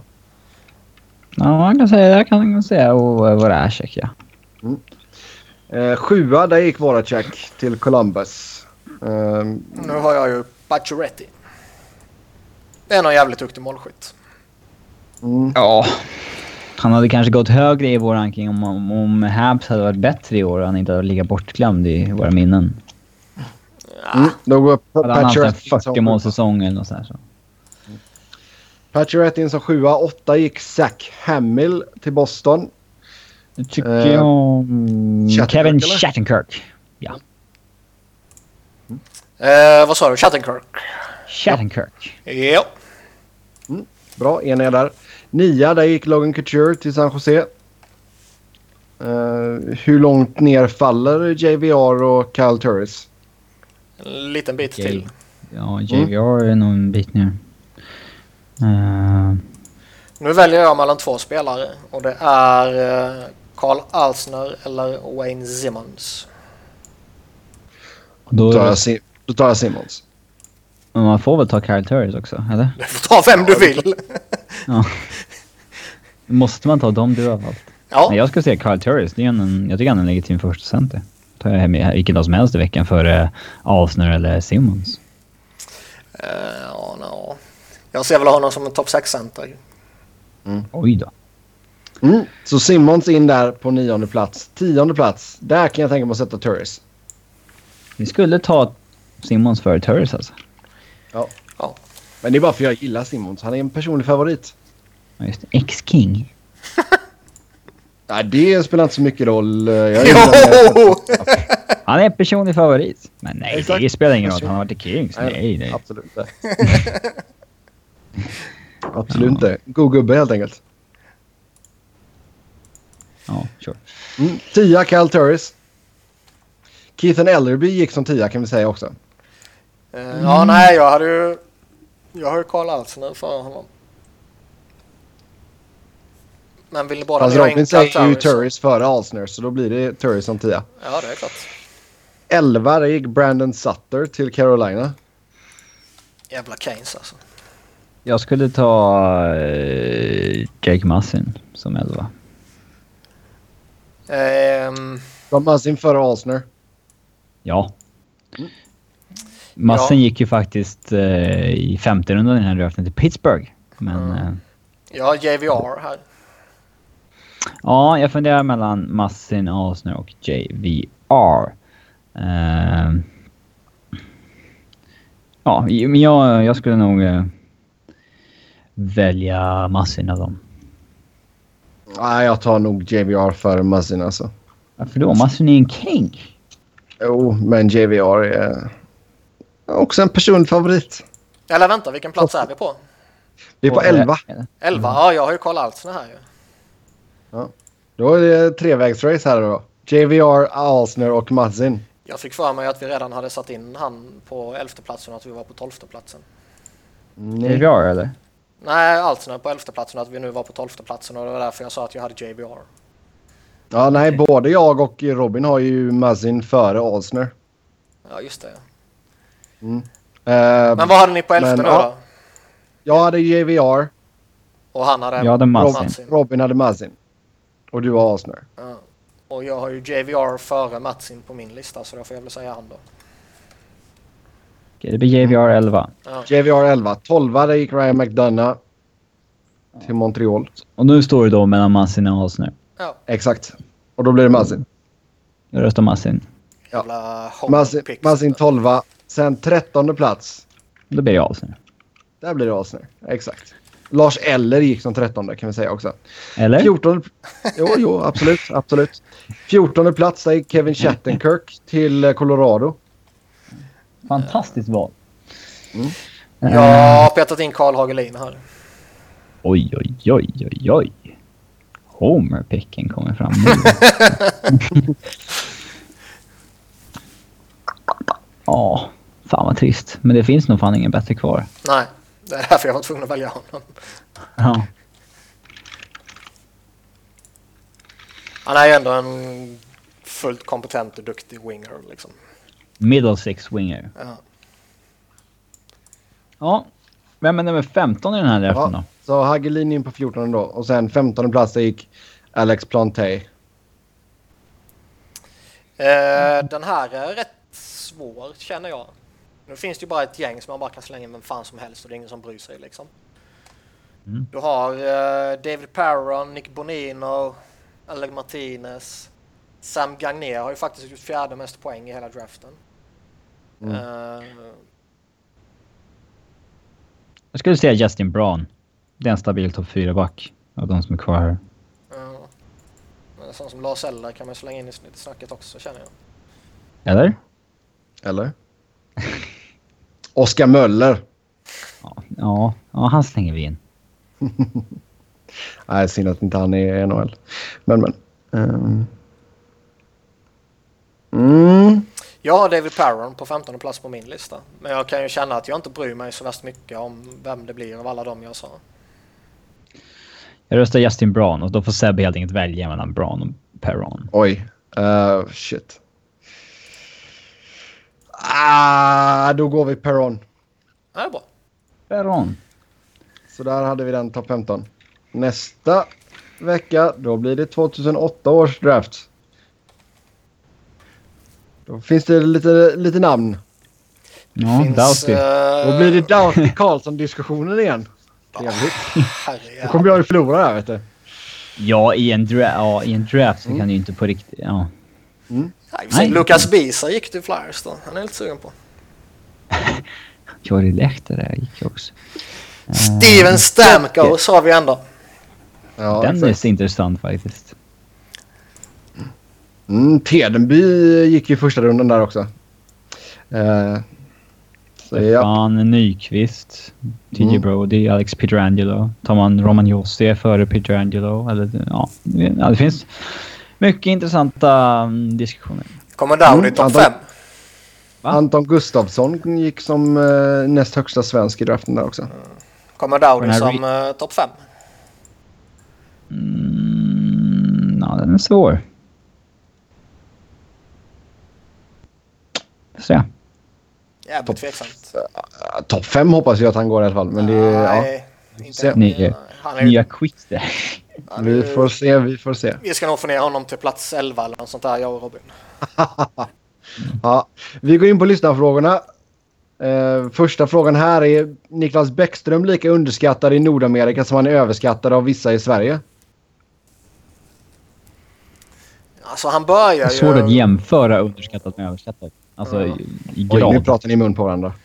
Men Men Det är han, svårt att jämföra alltså, lika överskattat som underskattat. Det är ju ganska svårt. Men men eh, han börjar ju få rätt mycket respekt för sitt tvåvägsspel och för sin defensiv och allt sånt där. Det, det är ju lite som jag var inne på med när vi pratade att det här Pierre LeBrun börjar, börjar tugga att Drew Dowdy är hans favorit och att folk kommer hänga på honom i det resonemanget typ. Eh, på samma sätt så börjar vissa av de här tunga namnen prata om att Niklas Bäckström är en jätteduktig defensiv center och man gör intervjuer med Barry Trotz där han säger det och allt sånt här. Så jag tror det börjar liksom, eller börjar, han har ju varit en rätt duktig tvåvägscenter så rätt länge. Det är ju, i ärlighetens namn så är de flesta svenskarna det. Ju. Men, ja, att vi går den skolan. ja. Men, eh, Nej, men att han, att han är uppskattad i... Att han är uppskattad i Washingtonområdet, det vet man ju. Och liksom, tittar man på Capitals-feeden på matcherna så är det mycket Bäckström-snack. Men i övriga Nordamerika så... Är underskattad, ja. Ehm, sen vet inte jag alltså hur överskattad är han av vissa i Sverige. Det får ni informera som- mig om. det är han som bär Ovechkin Fissar ju. Det har Sebbe också hävdat. Så att, Att han bär Ovechkin, det har jag aldrig sagt. Däremot så är han ju du har sagt att det är Beckis som... som du, sagt, du sa att det var Beckis som driver kedjan. Nej, det har jag aldrig sagt. Det var exakt det du sa. Jag sa att det var någon som ställde någon fråga om Nej, Beckis. du sa, du sa att Ovechkin mer eller mindre gör Bäckström. Att Bäckström är Nej. en average lallare. Nej. Ovechkin gör han till en, en bra center. Jag säger att Bäckström är en bra center och ett sjukt bra komplement till Ovechkin. Nej, det var någon som ställde en fråga om Bäckström och jag sa men man ska ju vara ärlig vem, med vem det är som driver den kedjan. Och då sa du Beckis. Nej, Och då, men det var exakt så, för fan. nej, nej. Sluta nu. Ljug inte. jag minns det som Robin säger. Ja. Absolut inte. Och då ni, sa- ni, ni, ni clashade, jag bara satt och garvade ju. Ja, och, och då sa Niklas att i, sitt, i, i vanliga fall är det ju playmakern som är den drivande parten, men när målskytten är så framstående som Ovechkin är, då är det ju målskytten. Och, det, för, och, och han sa att Ovechkins mål är ju inte direkt tap-ins tack vare snygga passningar som typ James Neal och såna här kan, kan ha. Eh, Ja. Men och jag har aldrig sagt att Bäckström är en lallare. Det, jag, jag att det är han topp tre av forwards i ligan i PP och sen så är han väl eh, mellan tionde och femtonde bästa centern i ligan. Vi får se här nu. Eh, för nästa fråga är verkligen vilka är topp 10 centra i NHL? Är Bäckström med på din topp 10? Precis på håret. Kan jag tänka mig. Eller? Eh, Ska vi ta ut 10 stycken? Vi ska väl ranka 10. Uff. Ja, Vem- men vi behöver inte vara noga med vem, vem som är fyra eller sexa liksom. Utan Nej. Nej, ettan är ju Sidney Crosby. ja, Mm. tvåan är McDavid. Tvåan är ju Tyler Seguin. Sagan tvåa. Mm. Trea... Kopitar. Eh, eh, ja, men Kopitar ska vara med på listan så han kan ju slänga in lika gärna. Ja, ja, ja ju som trea. topp 5 också. Getzlaff ska in. Han har jag lite längre ska, ner. Sen ska Joe Thornton in. ska ju in. Eh, Ja, eh, sen... Eh, sen, sen. jag skulle slänga ja. in Jevgenij Kuznetsov. Jag skulle Ja, slänga jag in... Jag skulle, Kus- Kuznetsov, är han, är han med på en topp 10 redan? jag skulle slänga Ja, in vi, vi Kuznetsov måste ju börja med att slänga in, eh, måste ju börja med att slänga in Giroud och Malkin. Ja, helt klart. Så då har vi tre platser kvar i topp 10. Jag tycker Patrice Bergeron förtjänar att nämnas. Ja, Ryan, Och- Ryan ja, visst, fan. ju med liksom. ja Getzlaff har vi haft sagt.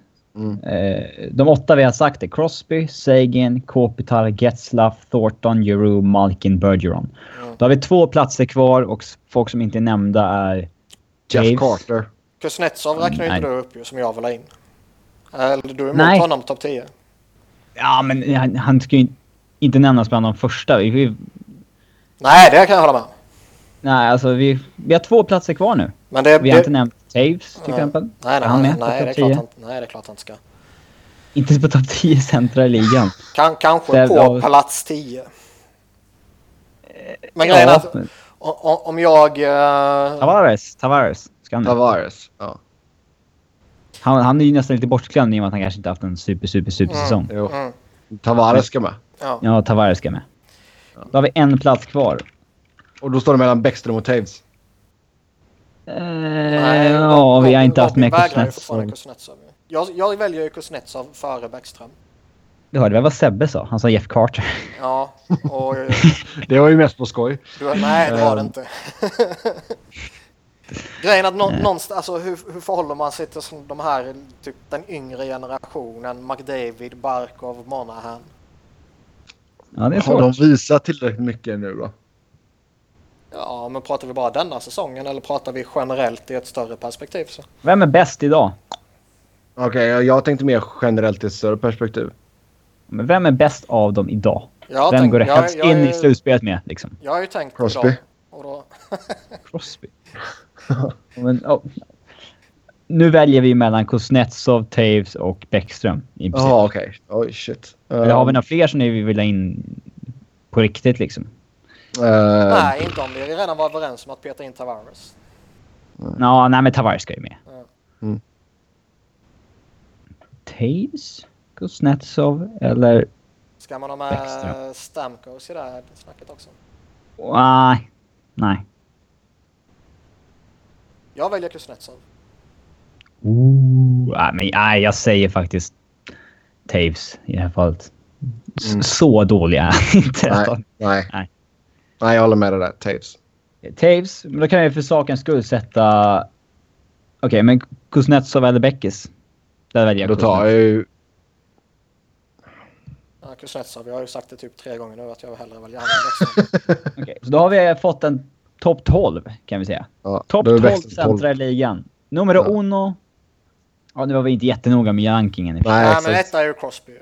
Ja, Det, men, det, det tycker eh, jag är tämligen givet. Han är överlägsen på alla sätt och vis.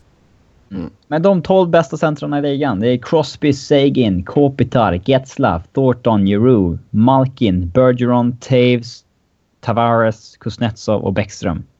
Mm. Ta Taves lite väl högt upp, men fair enough. Har ni några andra namn ni vill slänga in så har ni fel. Men alltså Ja.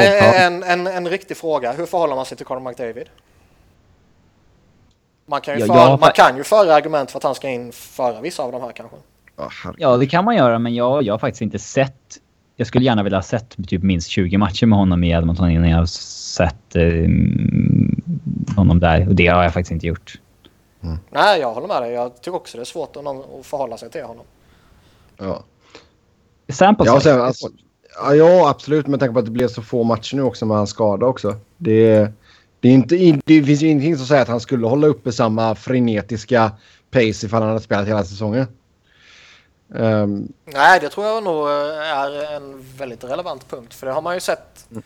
Alltså, vi såg ju ja, lockout-säsongen. Liksom, när de spelar 48 matcher så håller ju spelare en eh, produktionsnivå som de inte gör över 82 matcher. Mm.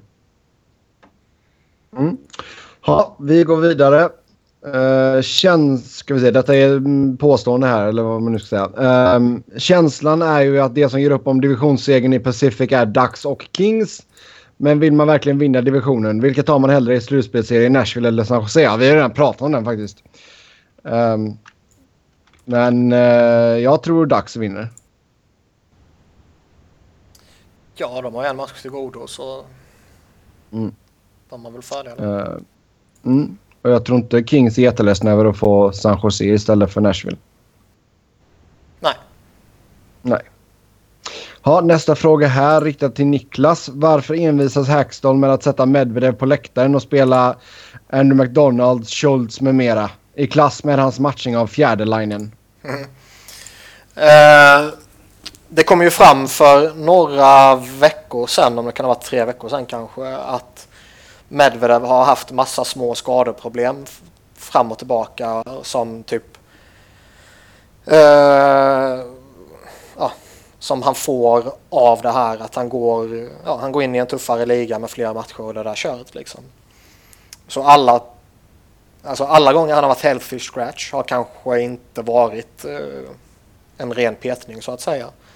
Men med det sagt så tycker jag ju ändå, jag skulle spela han före liksom Schultz och McDonald och, och sådär. Mest för att jag har ju hellre en back som kan hantera pucken och som kan driva spelet och driva possession och så vidare. Och visst, han är risktagande och visst, han ger bort pucken i egen zon och sådär. Men jag har ju hellre en spelare som är skicklig och kreativ och vågar och vill saker och misslyckas någon gång här och där än jag har en dålig spelare som inte är kreativ och som inte vågar och som inte kan och som ger bort pucken för att han är liksom dålig på det.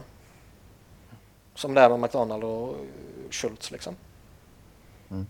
Anledningen, an, anledningen till att de spelar istället det är ju för att man det ligger i coachernas DNA att inte vilja ha risk på banan. Ja, exakt.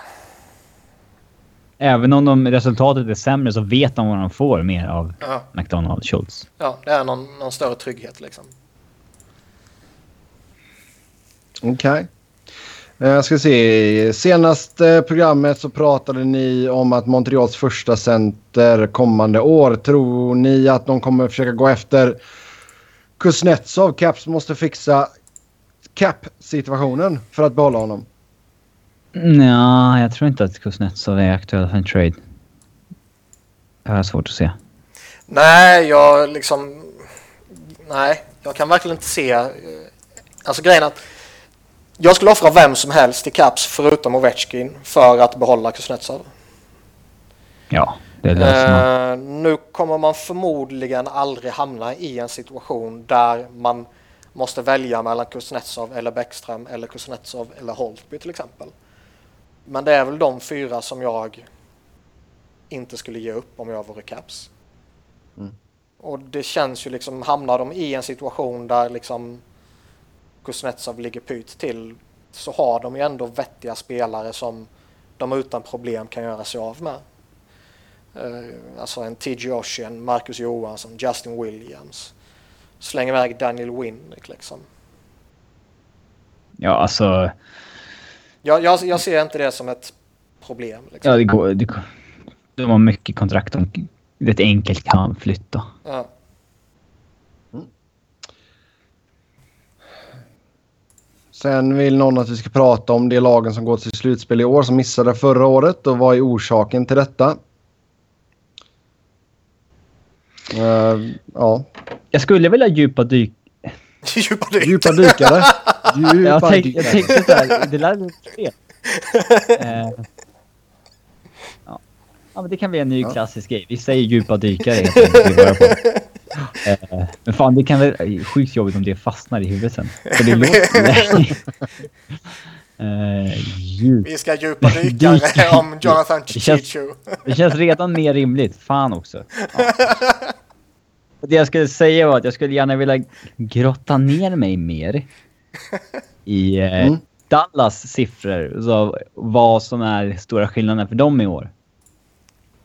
Eh, för deras goaltending är ju lika usel som i fjol. Annars hade det varit rätt enkelt så att målvaktsspelet är bättre. Mm. Eh, men det hade varit intressant. Mm. Det är... Ja, jag vet inte. Det är väl svårt att säga på uppstuds så här vad som är stora skillnaden. Nej, Men, alltså vill man, eh, vill alltså, man menar- snurra in på Corsi så är de ju inte jättemycket bättre denna säsongen heller. Jag menar, tittar du på LA så visst, man missade ju med en hårsmån förra året liksom. Det, LA tror jag bara man kan liksom rycka på axlarna och vifta undan som någon så här att liksom shit happens när du spelar mycket hockey flera säsonger i rad. Framförallt när de spelar en hockey som är så... Vad ska man säga? De, spelar, de kastar ju så otroligt mycket puckar på mål bara liksom från alla möjliga håll och vinklar. Och har man liksom lite oflyt så, så, så kan det studsa emot något år här Ja. och där. Alltså 82 matcher, det är en lång säsong men det är fortfarande en tillräckligt kort säsong för att du ska, liksom ska kunna med lite oflyt sådär hamna utanför ett år. Mm. Eh, någon skada på en felspelare eller en målvakt som inte levererar som Quick inte gör ibland. Eh, Oj, oj, oj, oj, oj. Ja men alltså han har ju inte direkt varit... Liksom, helvete. Ja men det är väl... Hans grundserie har inte alltid varit så jävla bra. Eh, att han ordnar Nej, där är, jag vill ju hålla med dig. Men väl i slutspelet så är han ett monster. Um, Det San Jose, det är väl det lite samma sak där, eller? Vad säger ni? Jag bara sitter och skrattar här. Ja, jag vet. Eh, San Jose, det var också bara lite misstep förra året liksom. Det, Alltså det, det går ju lite snack om att Peter de Boer, så han kom in, att han nu liksom gav... Eh, att han har gett tillbaka ansvaret till de gamla liksom. Att han har, att, att han har, att han har gjort Sharks till liksom Joe Thorntons lag igen och sådär. Eh, det, kan vara, det kan ju mycket väl vara en jätteviktig faktor till att de nu går bra. mm. Om vi tittar Li- på li- lika gärna som givetvis kan bara vara en sån där liksom shit happens. Sen vill de även att vi ska snacka samma grej om lag som missar slutspel. Ottawa, Montreal, Vancouver, Calgary och Winnipeg.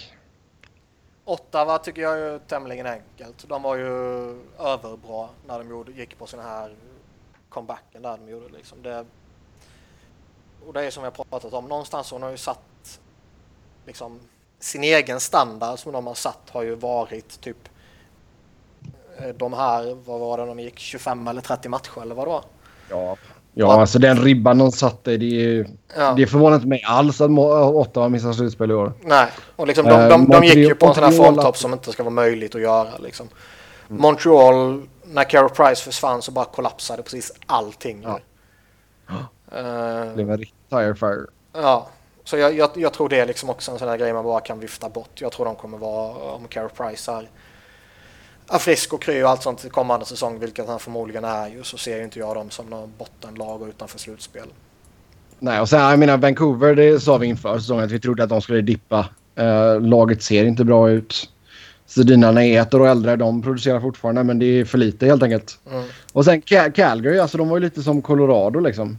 Det, Ja, men det där jippolaget som gick bättre än vad de gjorde och som hade lite flyt. Det finns alltid ett jippolag varje år. Ja. Då är det Florida. Men det som var det lite förvånande med Calgary, det är att de gjorde, de gjorde, de gjorde ju ändå bra grejer till sommaren med eh, Hamilton och Frolic och sånt här som eh, liksom förbättrar dem. Ja, Eh, så de gjorde ju ändå smarta grejer på sommaren. Men resultaten har ju varit sämre. Mm. Deras målvakter är klappade fullständigt. Och sen Winnipeg då. De har man besvikna Ja. på, som man var inne på lite tidigare. Ehm, Och jag vet, alltså det, visst de har haft lite något, någon skada här och där och sådana där saker liksom. Och har du liksom Andrei Pavelic så kommer ju Sebbe alltid såga dig. Absolut. Och sen, tro, sen tror jag på fullaste allvar att liksom osäkerheten som ändå var jättelänge kring Andrew Ladd och Big Buff, att det påverkar. Displayn. Jag är helt övertygad om det. Så vi ger alltså en känga till Cheval Day-Off här. För första gången på länge. Ja. Nej, det har väl jag sagt flera gånger att det inte är en bra situation. Ja. Alltså, Ja. Och sen eh, säg nu att Detroit missar. Ja, men det är ju ett coachbyte som är skillnaden där i princip. De har ju precis klarat slutspelet eh, Ja. tidigare år. Så det är coach byter lite nya grejer, försöka Ett år äldre Datsuk Zetterberg. Eh, ja. Det- det- De måste missa någon gång för fan. De kan inte hålla på så här. Nej. Sen vi har redan snackat om Norris-grejen så jag hoppar den frågan. Eh, sen har vi vilket expansionslag från 98 och framåt tycker vi har byggt upp den bästa organisationen?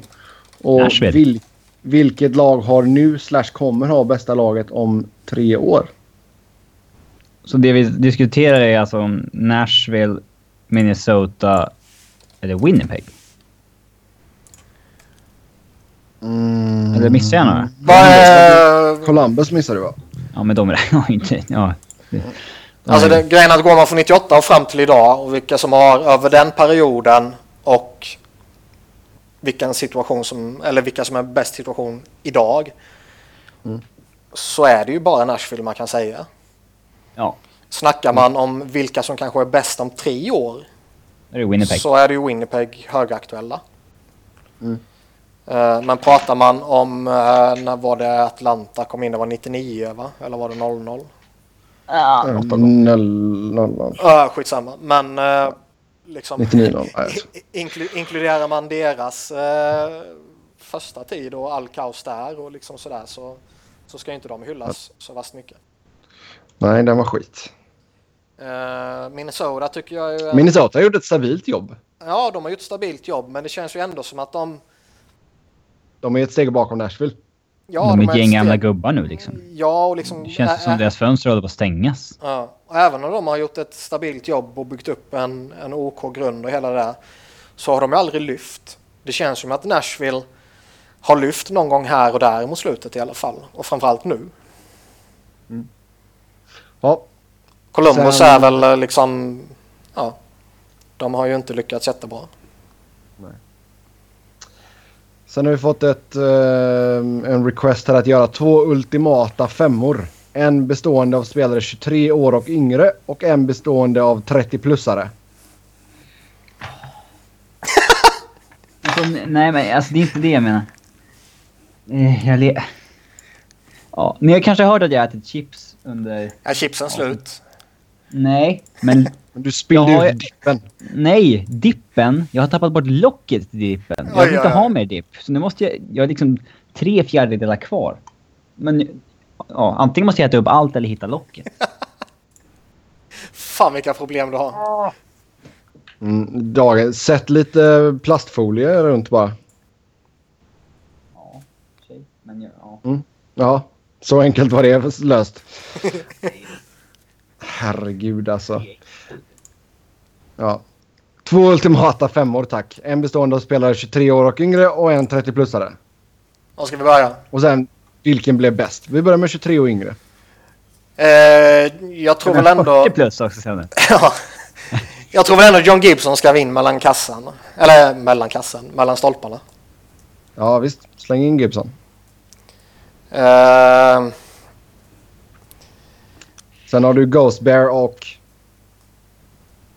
det är, jag skulle vilja säga att det finns väl fyra alternativ, fem alternativ på backsidan. Du har Jan Klingberg, Aron Ekblad, Seth Jones, Hampus Lindholm och The Ghost Bear såklart. Hampus Lindholm och John Klingberg, säger vi. Eh, Ekblad och Ghost Bear. Nej, jag skojar bara. Jag ska inte vara... Men det är ju Hampus och Ekblad skulle jag säga. Ja, man vill ju inte peta Klingberg. Men... eh, Nej, men Ekblad är... Ekblad är tokgiven tycker jag liksom. Ja. Och det här är ju Ekblad är versus ju- Klingberg är ju lite Doughty versus Karlsson. Men att Klingbergs offensiv är ju inte så extremt skjutande i höjden så att det inte längre blir en snack om det. Mm. Utan de ligger ju förhållandevis nära varandra fortfarande. Eh, Men då sa okej, så Ek- Ekblad, och, och Hampus. Okej. Ja, sen har vi McDavid som center. ja. kör vi på Eh, Jevgenij Kuznetsov på ena vingen. Mm. Sen känner jag att det är väldigt svårt att välja mellan typ Nathan McKinnon, Johnny Hockey, eh, Mark Stone kanske, Jack Eichel, Mm. Alexander Barkov. Shit. Ehm, Nej, jag vet. Vi kör Ghost Ja. Bear som winger. Nej, det gör vi absolut inte. Vi spelar eh, tre backar. Ja, Det, ah, det, är på tiden, Två det är på centrar. tiden att något lag hittar på ett nytt spelsystem. Två centra, Ja. tre backar. Och sen har man en sån libero och sen du vet ytterbackarna, det är sådana som far upp Ja. som wingers. Och så har man en flygande målvakt. Vem skulle det vara? Ja, Big Buff? ja du. Nej, han är för gammal. Ra har ju varit ute och åkt någon gång också. Ja. Eh, Nej, men eh, ja, jag, om vi måste välja någon. Johnny Hockey säger jag då. Jag skulle nog landa på honom, ja. Mm. Men jag kan inte säga det är fel att välja typ Stone eller McKinnon istället. Nej, absolut inte. Absolut inte. Men vi säger Johnny Hockey där. Och då ska vi ta ut en 30-plussare också. Vem sätter vi i kassen? Henke Lundqvist. Okej. ja. Vinner vi hårmatchen där också. Uh, backar. Duncan Keith och Brent Burns. Mm, Du vill inte ha in jag- Buff alltså? Nej. Nej, Burn, Burns är lite bättre. Alltså det är samma skit fast bättre lite grann. Ja. Tycker jag. Okej. Och sen är det typ Ryan Suter, Buff, Big Buff och utanför tillsammans med typ Shea Weber. Man tänker ju lite left och höger här också. Och Ja. vänster där är Sutter eller Keat. Och då tänk, tar man väl Keat. Och sen Mm. Buff eller Burns till höger. Då tar man Mm. Burns. Okej. Ja. Center. Yo! Thornton! Eh, alltså han ska ju vara med. Han ska ju vara med. Det är ju tokgivet ju. Frågan är bara... Eller har Malkin fyllt 30? Nej. Nej, nej. Alltså Ovechkin och Joe Thornton är ju tokgivna. Ja, fan har det? Ovi har fyllt 30 ja. Ja. Eh, De, de, de, två är tokgivna. Vem som ska vara den tredje sen känner jag ju är rätt svårt. Uh, å ena sidan vore det rätt episkt att peta in Jaromir Jagr där bara för att han är Jaromir Jagr. Och typ är dubbelt så gammal som de andra. Ja. Han kan vara farsa åt Ovechkin. Ja, ja. Men sen liksom du vet, Faktiskt kanske kunna vara. Ja. Alltså, eh, det är inte omöjligt. Åh, Men sen har du liksom Ja. Patrice Bergeron, Ryan Getzlaff, Corey Perry. Man kan ju föra argument för alla de tre. Mm. Jag skulle nog landa Sätt på liksom Ovechkin, supermålskytt på ena kanten, Corey Perry, supermålskytt på andra kanten och sen Jumbo Joe som center. Assistmaskinen. Ja. Ja. Men det är ju inte fel att slänga in. Getzlaff eller Bergeron liksom. Nej. Nej, jag kan hålla med om Perry och Ovechkin där. Absolut. Det kan gå vilt till. Ja, vilken kedja blev bäst? Gubbelvan. Ja. Gubbel. Eller gubbfemman. Japp. Har vi någon 40-plussare förutom Jagr? Eh, Eh, ja, det har vi väl. Vad är Markov? nej, jag tror inte han är 40. Nej. Han är inte 41. Nej. Han är väl den. Alltså han är ju... Han är bara 37. Ja, han är en bit kvar. Herregud. Han är ju ungtupp. Åh, rena barnet. Ja, exakt. Vi har ju eh, Shane, Jagr kan vara farsa åt honom också. Shane, Vi har ju några stycken. Shane Doan är ju där uppe. Han är 39. Patrik Elias 39. Dan Boyle 39. Eric Bolton 39. Shane Doan 39. Bort. Matt Cullen 39. Det är inga över 40. Nej, det är bara de som är födda 76. Och, Kan vi alltså inte ens göra en 40 plus eller vad? Eller femma? Nej. ja, det blir svårt. Ja. Sen nästa fråga. Vad ska Panarin ha för kontrakt? Får mig prata om det här för Ja, jag har också med för mig var rätt många veckor sedan i och för sig. Ja. Kan det ha varit mitten på säsongen eller efter två tredjedelar eller sånt där kanske. Får ta den igen då. Jag har för mig att jag sa någonting, slängde upp något sånt där 6 gånger 6 eller något sånt där. Mm, det låter ganska rimligt. Men sen samtidigt med tanke på hur han går nu så ska han ha mer än det. Alltså det är väl inget snack om att han inte ska bli tredje bäst betalda forwarden i alla fall. Ehm, men eh, ja, 6 gånger 6 känns, alltså det känns som en bra siffra. För han är ändå topp 10, Oj, han är ändå topp 10 i uh, poängligan liksom. Mm, men det är en säsong. Ja, ja, Ja, exakt. Jiri Hoodley var topp 10 i fjol. ja Mm. absolut. Skulle man gett 6 gånger 6 till Jiri Hoodley liksom? Det vet fan. Nej, men det är ju skillnad på spelare och spelare. Ja. Ja, men vi vet ju inte riktigt med Panarin vad han är helt fullt ut. Nej, helt klart. Jag skulle ju, får jag, får jag välja, jag skulle ju helst signa honom på ett tvåårskontrakt på typ 4, 4 Fyra. något sånt där liksom. Ja. Eh, givetvis, men det tror jag inte kommer ske. Nej. Nej, är det inte klokare att vänta ett år? Jo. Så man får en... Han kommer inte kosta mer än det om man gör 70 poäng igen. Nej, det håller, nej jag håller helt och hållet med. Han, de, bör, de bör vänta ett år. Hans kontrakt går Ja. inte ut i sommar alltså, om man, ni inte visste om det. Sen sista frågan för veckan är hur viktig är draften egentligen för NHL-lagen? Eh, den är intressant, frågan alltså. Mm. Eh, det finns ju många som får... Avs till exempel, där har eh, liksom... fått- Folk som ger Roa ursäkter säger att Avs draftade för dåligt eh, innan Roa kom dit. Det är därför laget är så dåligt. Men jag tycker väl kanske inte att ha fått in en tredje linare hit eller en femte back hit hade gjort någon större skillnad. Eh, det absolut viktigaste det är att hitta high-end talent som du, och, alltså ungdomlig high-end talent som du inte kan få på free agency. Bygga din stomme via draften. Ja, det är det. Om du, om du lyckas få upp depth-spelare via draften, det är ju en fin bonus. Men det är absolut inget du kan... Eh, det, är inte det är inte det viktigaste överhuvudtaget. Det är, du ska... Du måste träffa rätt med dina höga draftval. Det är det A och O. Mm. Mm. Eller så måste du... Alltså, sen är det klart att du kan ju ha sån här maximalt flyt ibland också med sena picks. Det har vi ju sett också. Jo, men, Men- det är ju bara tur. Det är inte skicklighet ju. Nej, Eh, utan... Nej, Utan om man dig. det om dem så hade man ju tagit dem tidigare. Ja, exakt. Exakt. Eh, sen är Men det det är alltså... ju en en- crap. Alltså. Vad sa du?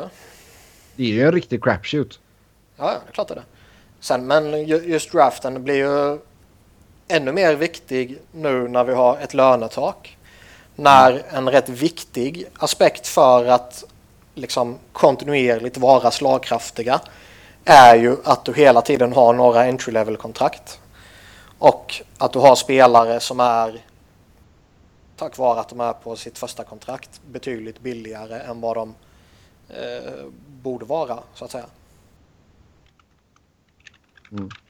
Det är lite det som typ Chicago klarade sig på genom åren och så här. Ra gör i detta nu en intervju där han säger att Avs inte har draftat tillräckligt bra. Oj, oj, oj.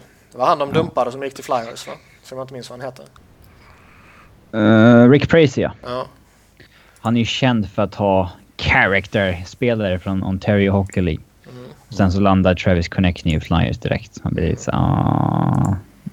Mm. Dunders succé.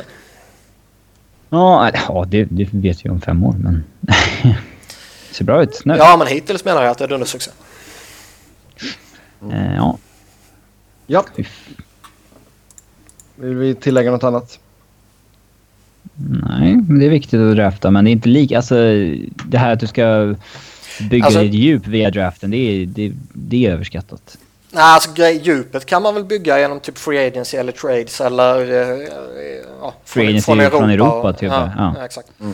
Eh, däremot bygg är det väl rätt uppenbart tycker jag att du behöver bygga din core via draften.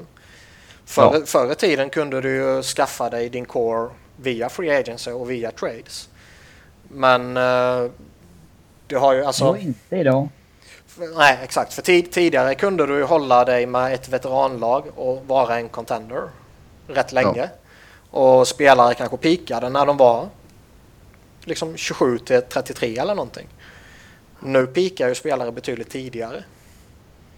Vilket innebär att du typ De måste... pikar inom sin RFA-period. Ja, exakt. Så de måste utveckla dem själva. Mm. Yes, med det så säger vi tack och hej för den här gången. Som vanligt så kan ni köta hockey med oss via Twitter. Mig hittar ni på @sebnoren. Robin hittar ni på R underscore Fredriksson och Niklas hittar ni på att Niklas Wiberg. Niklas med C och enkel V. Så fortsätt att skriva in lyssnarfrågor. Det uppskattar vi alltid. Så hörs vi igen om en vecka. Tills dess, ha det gött. Hej!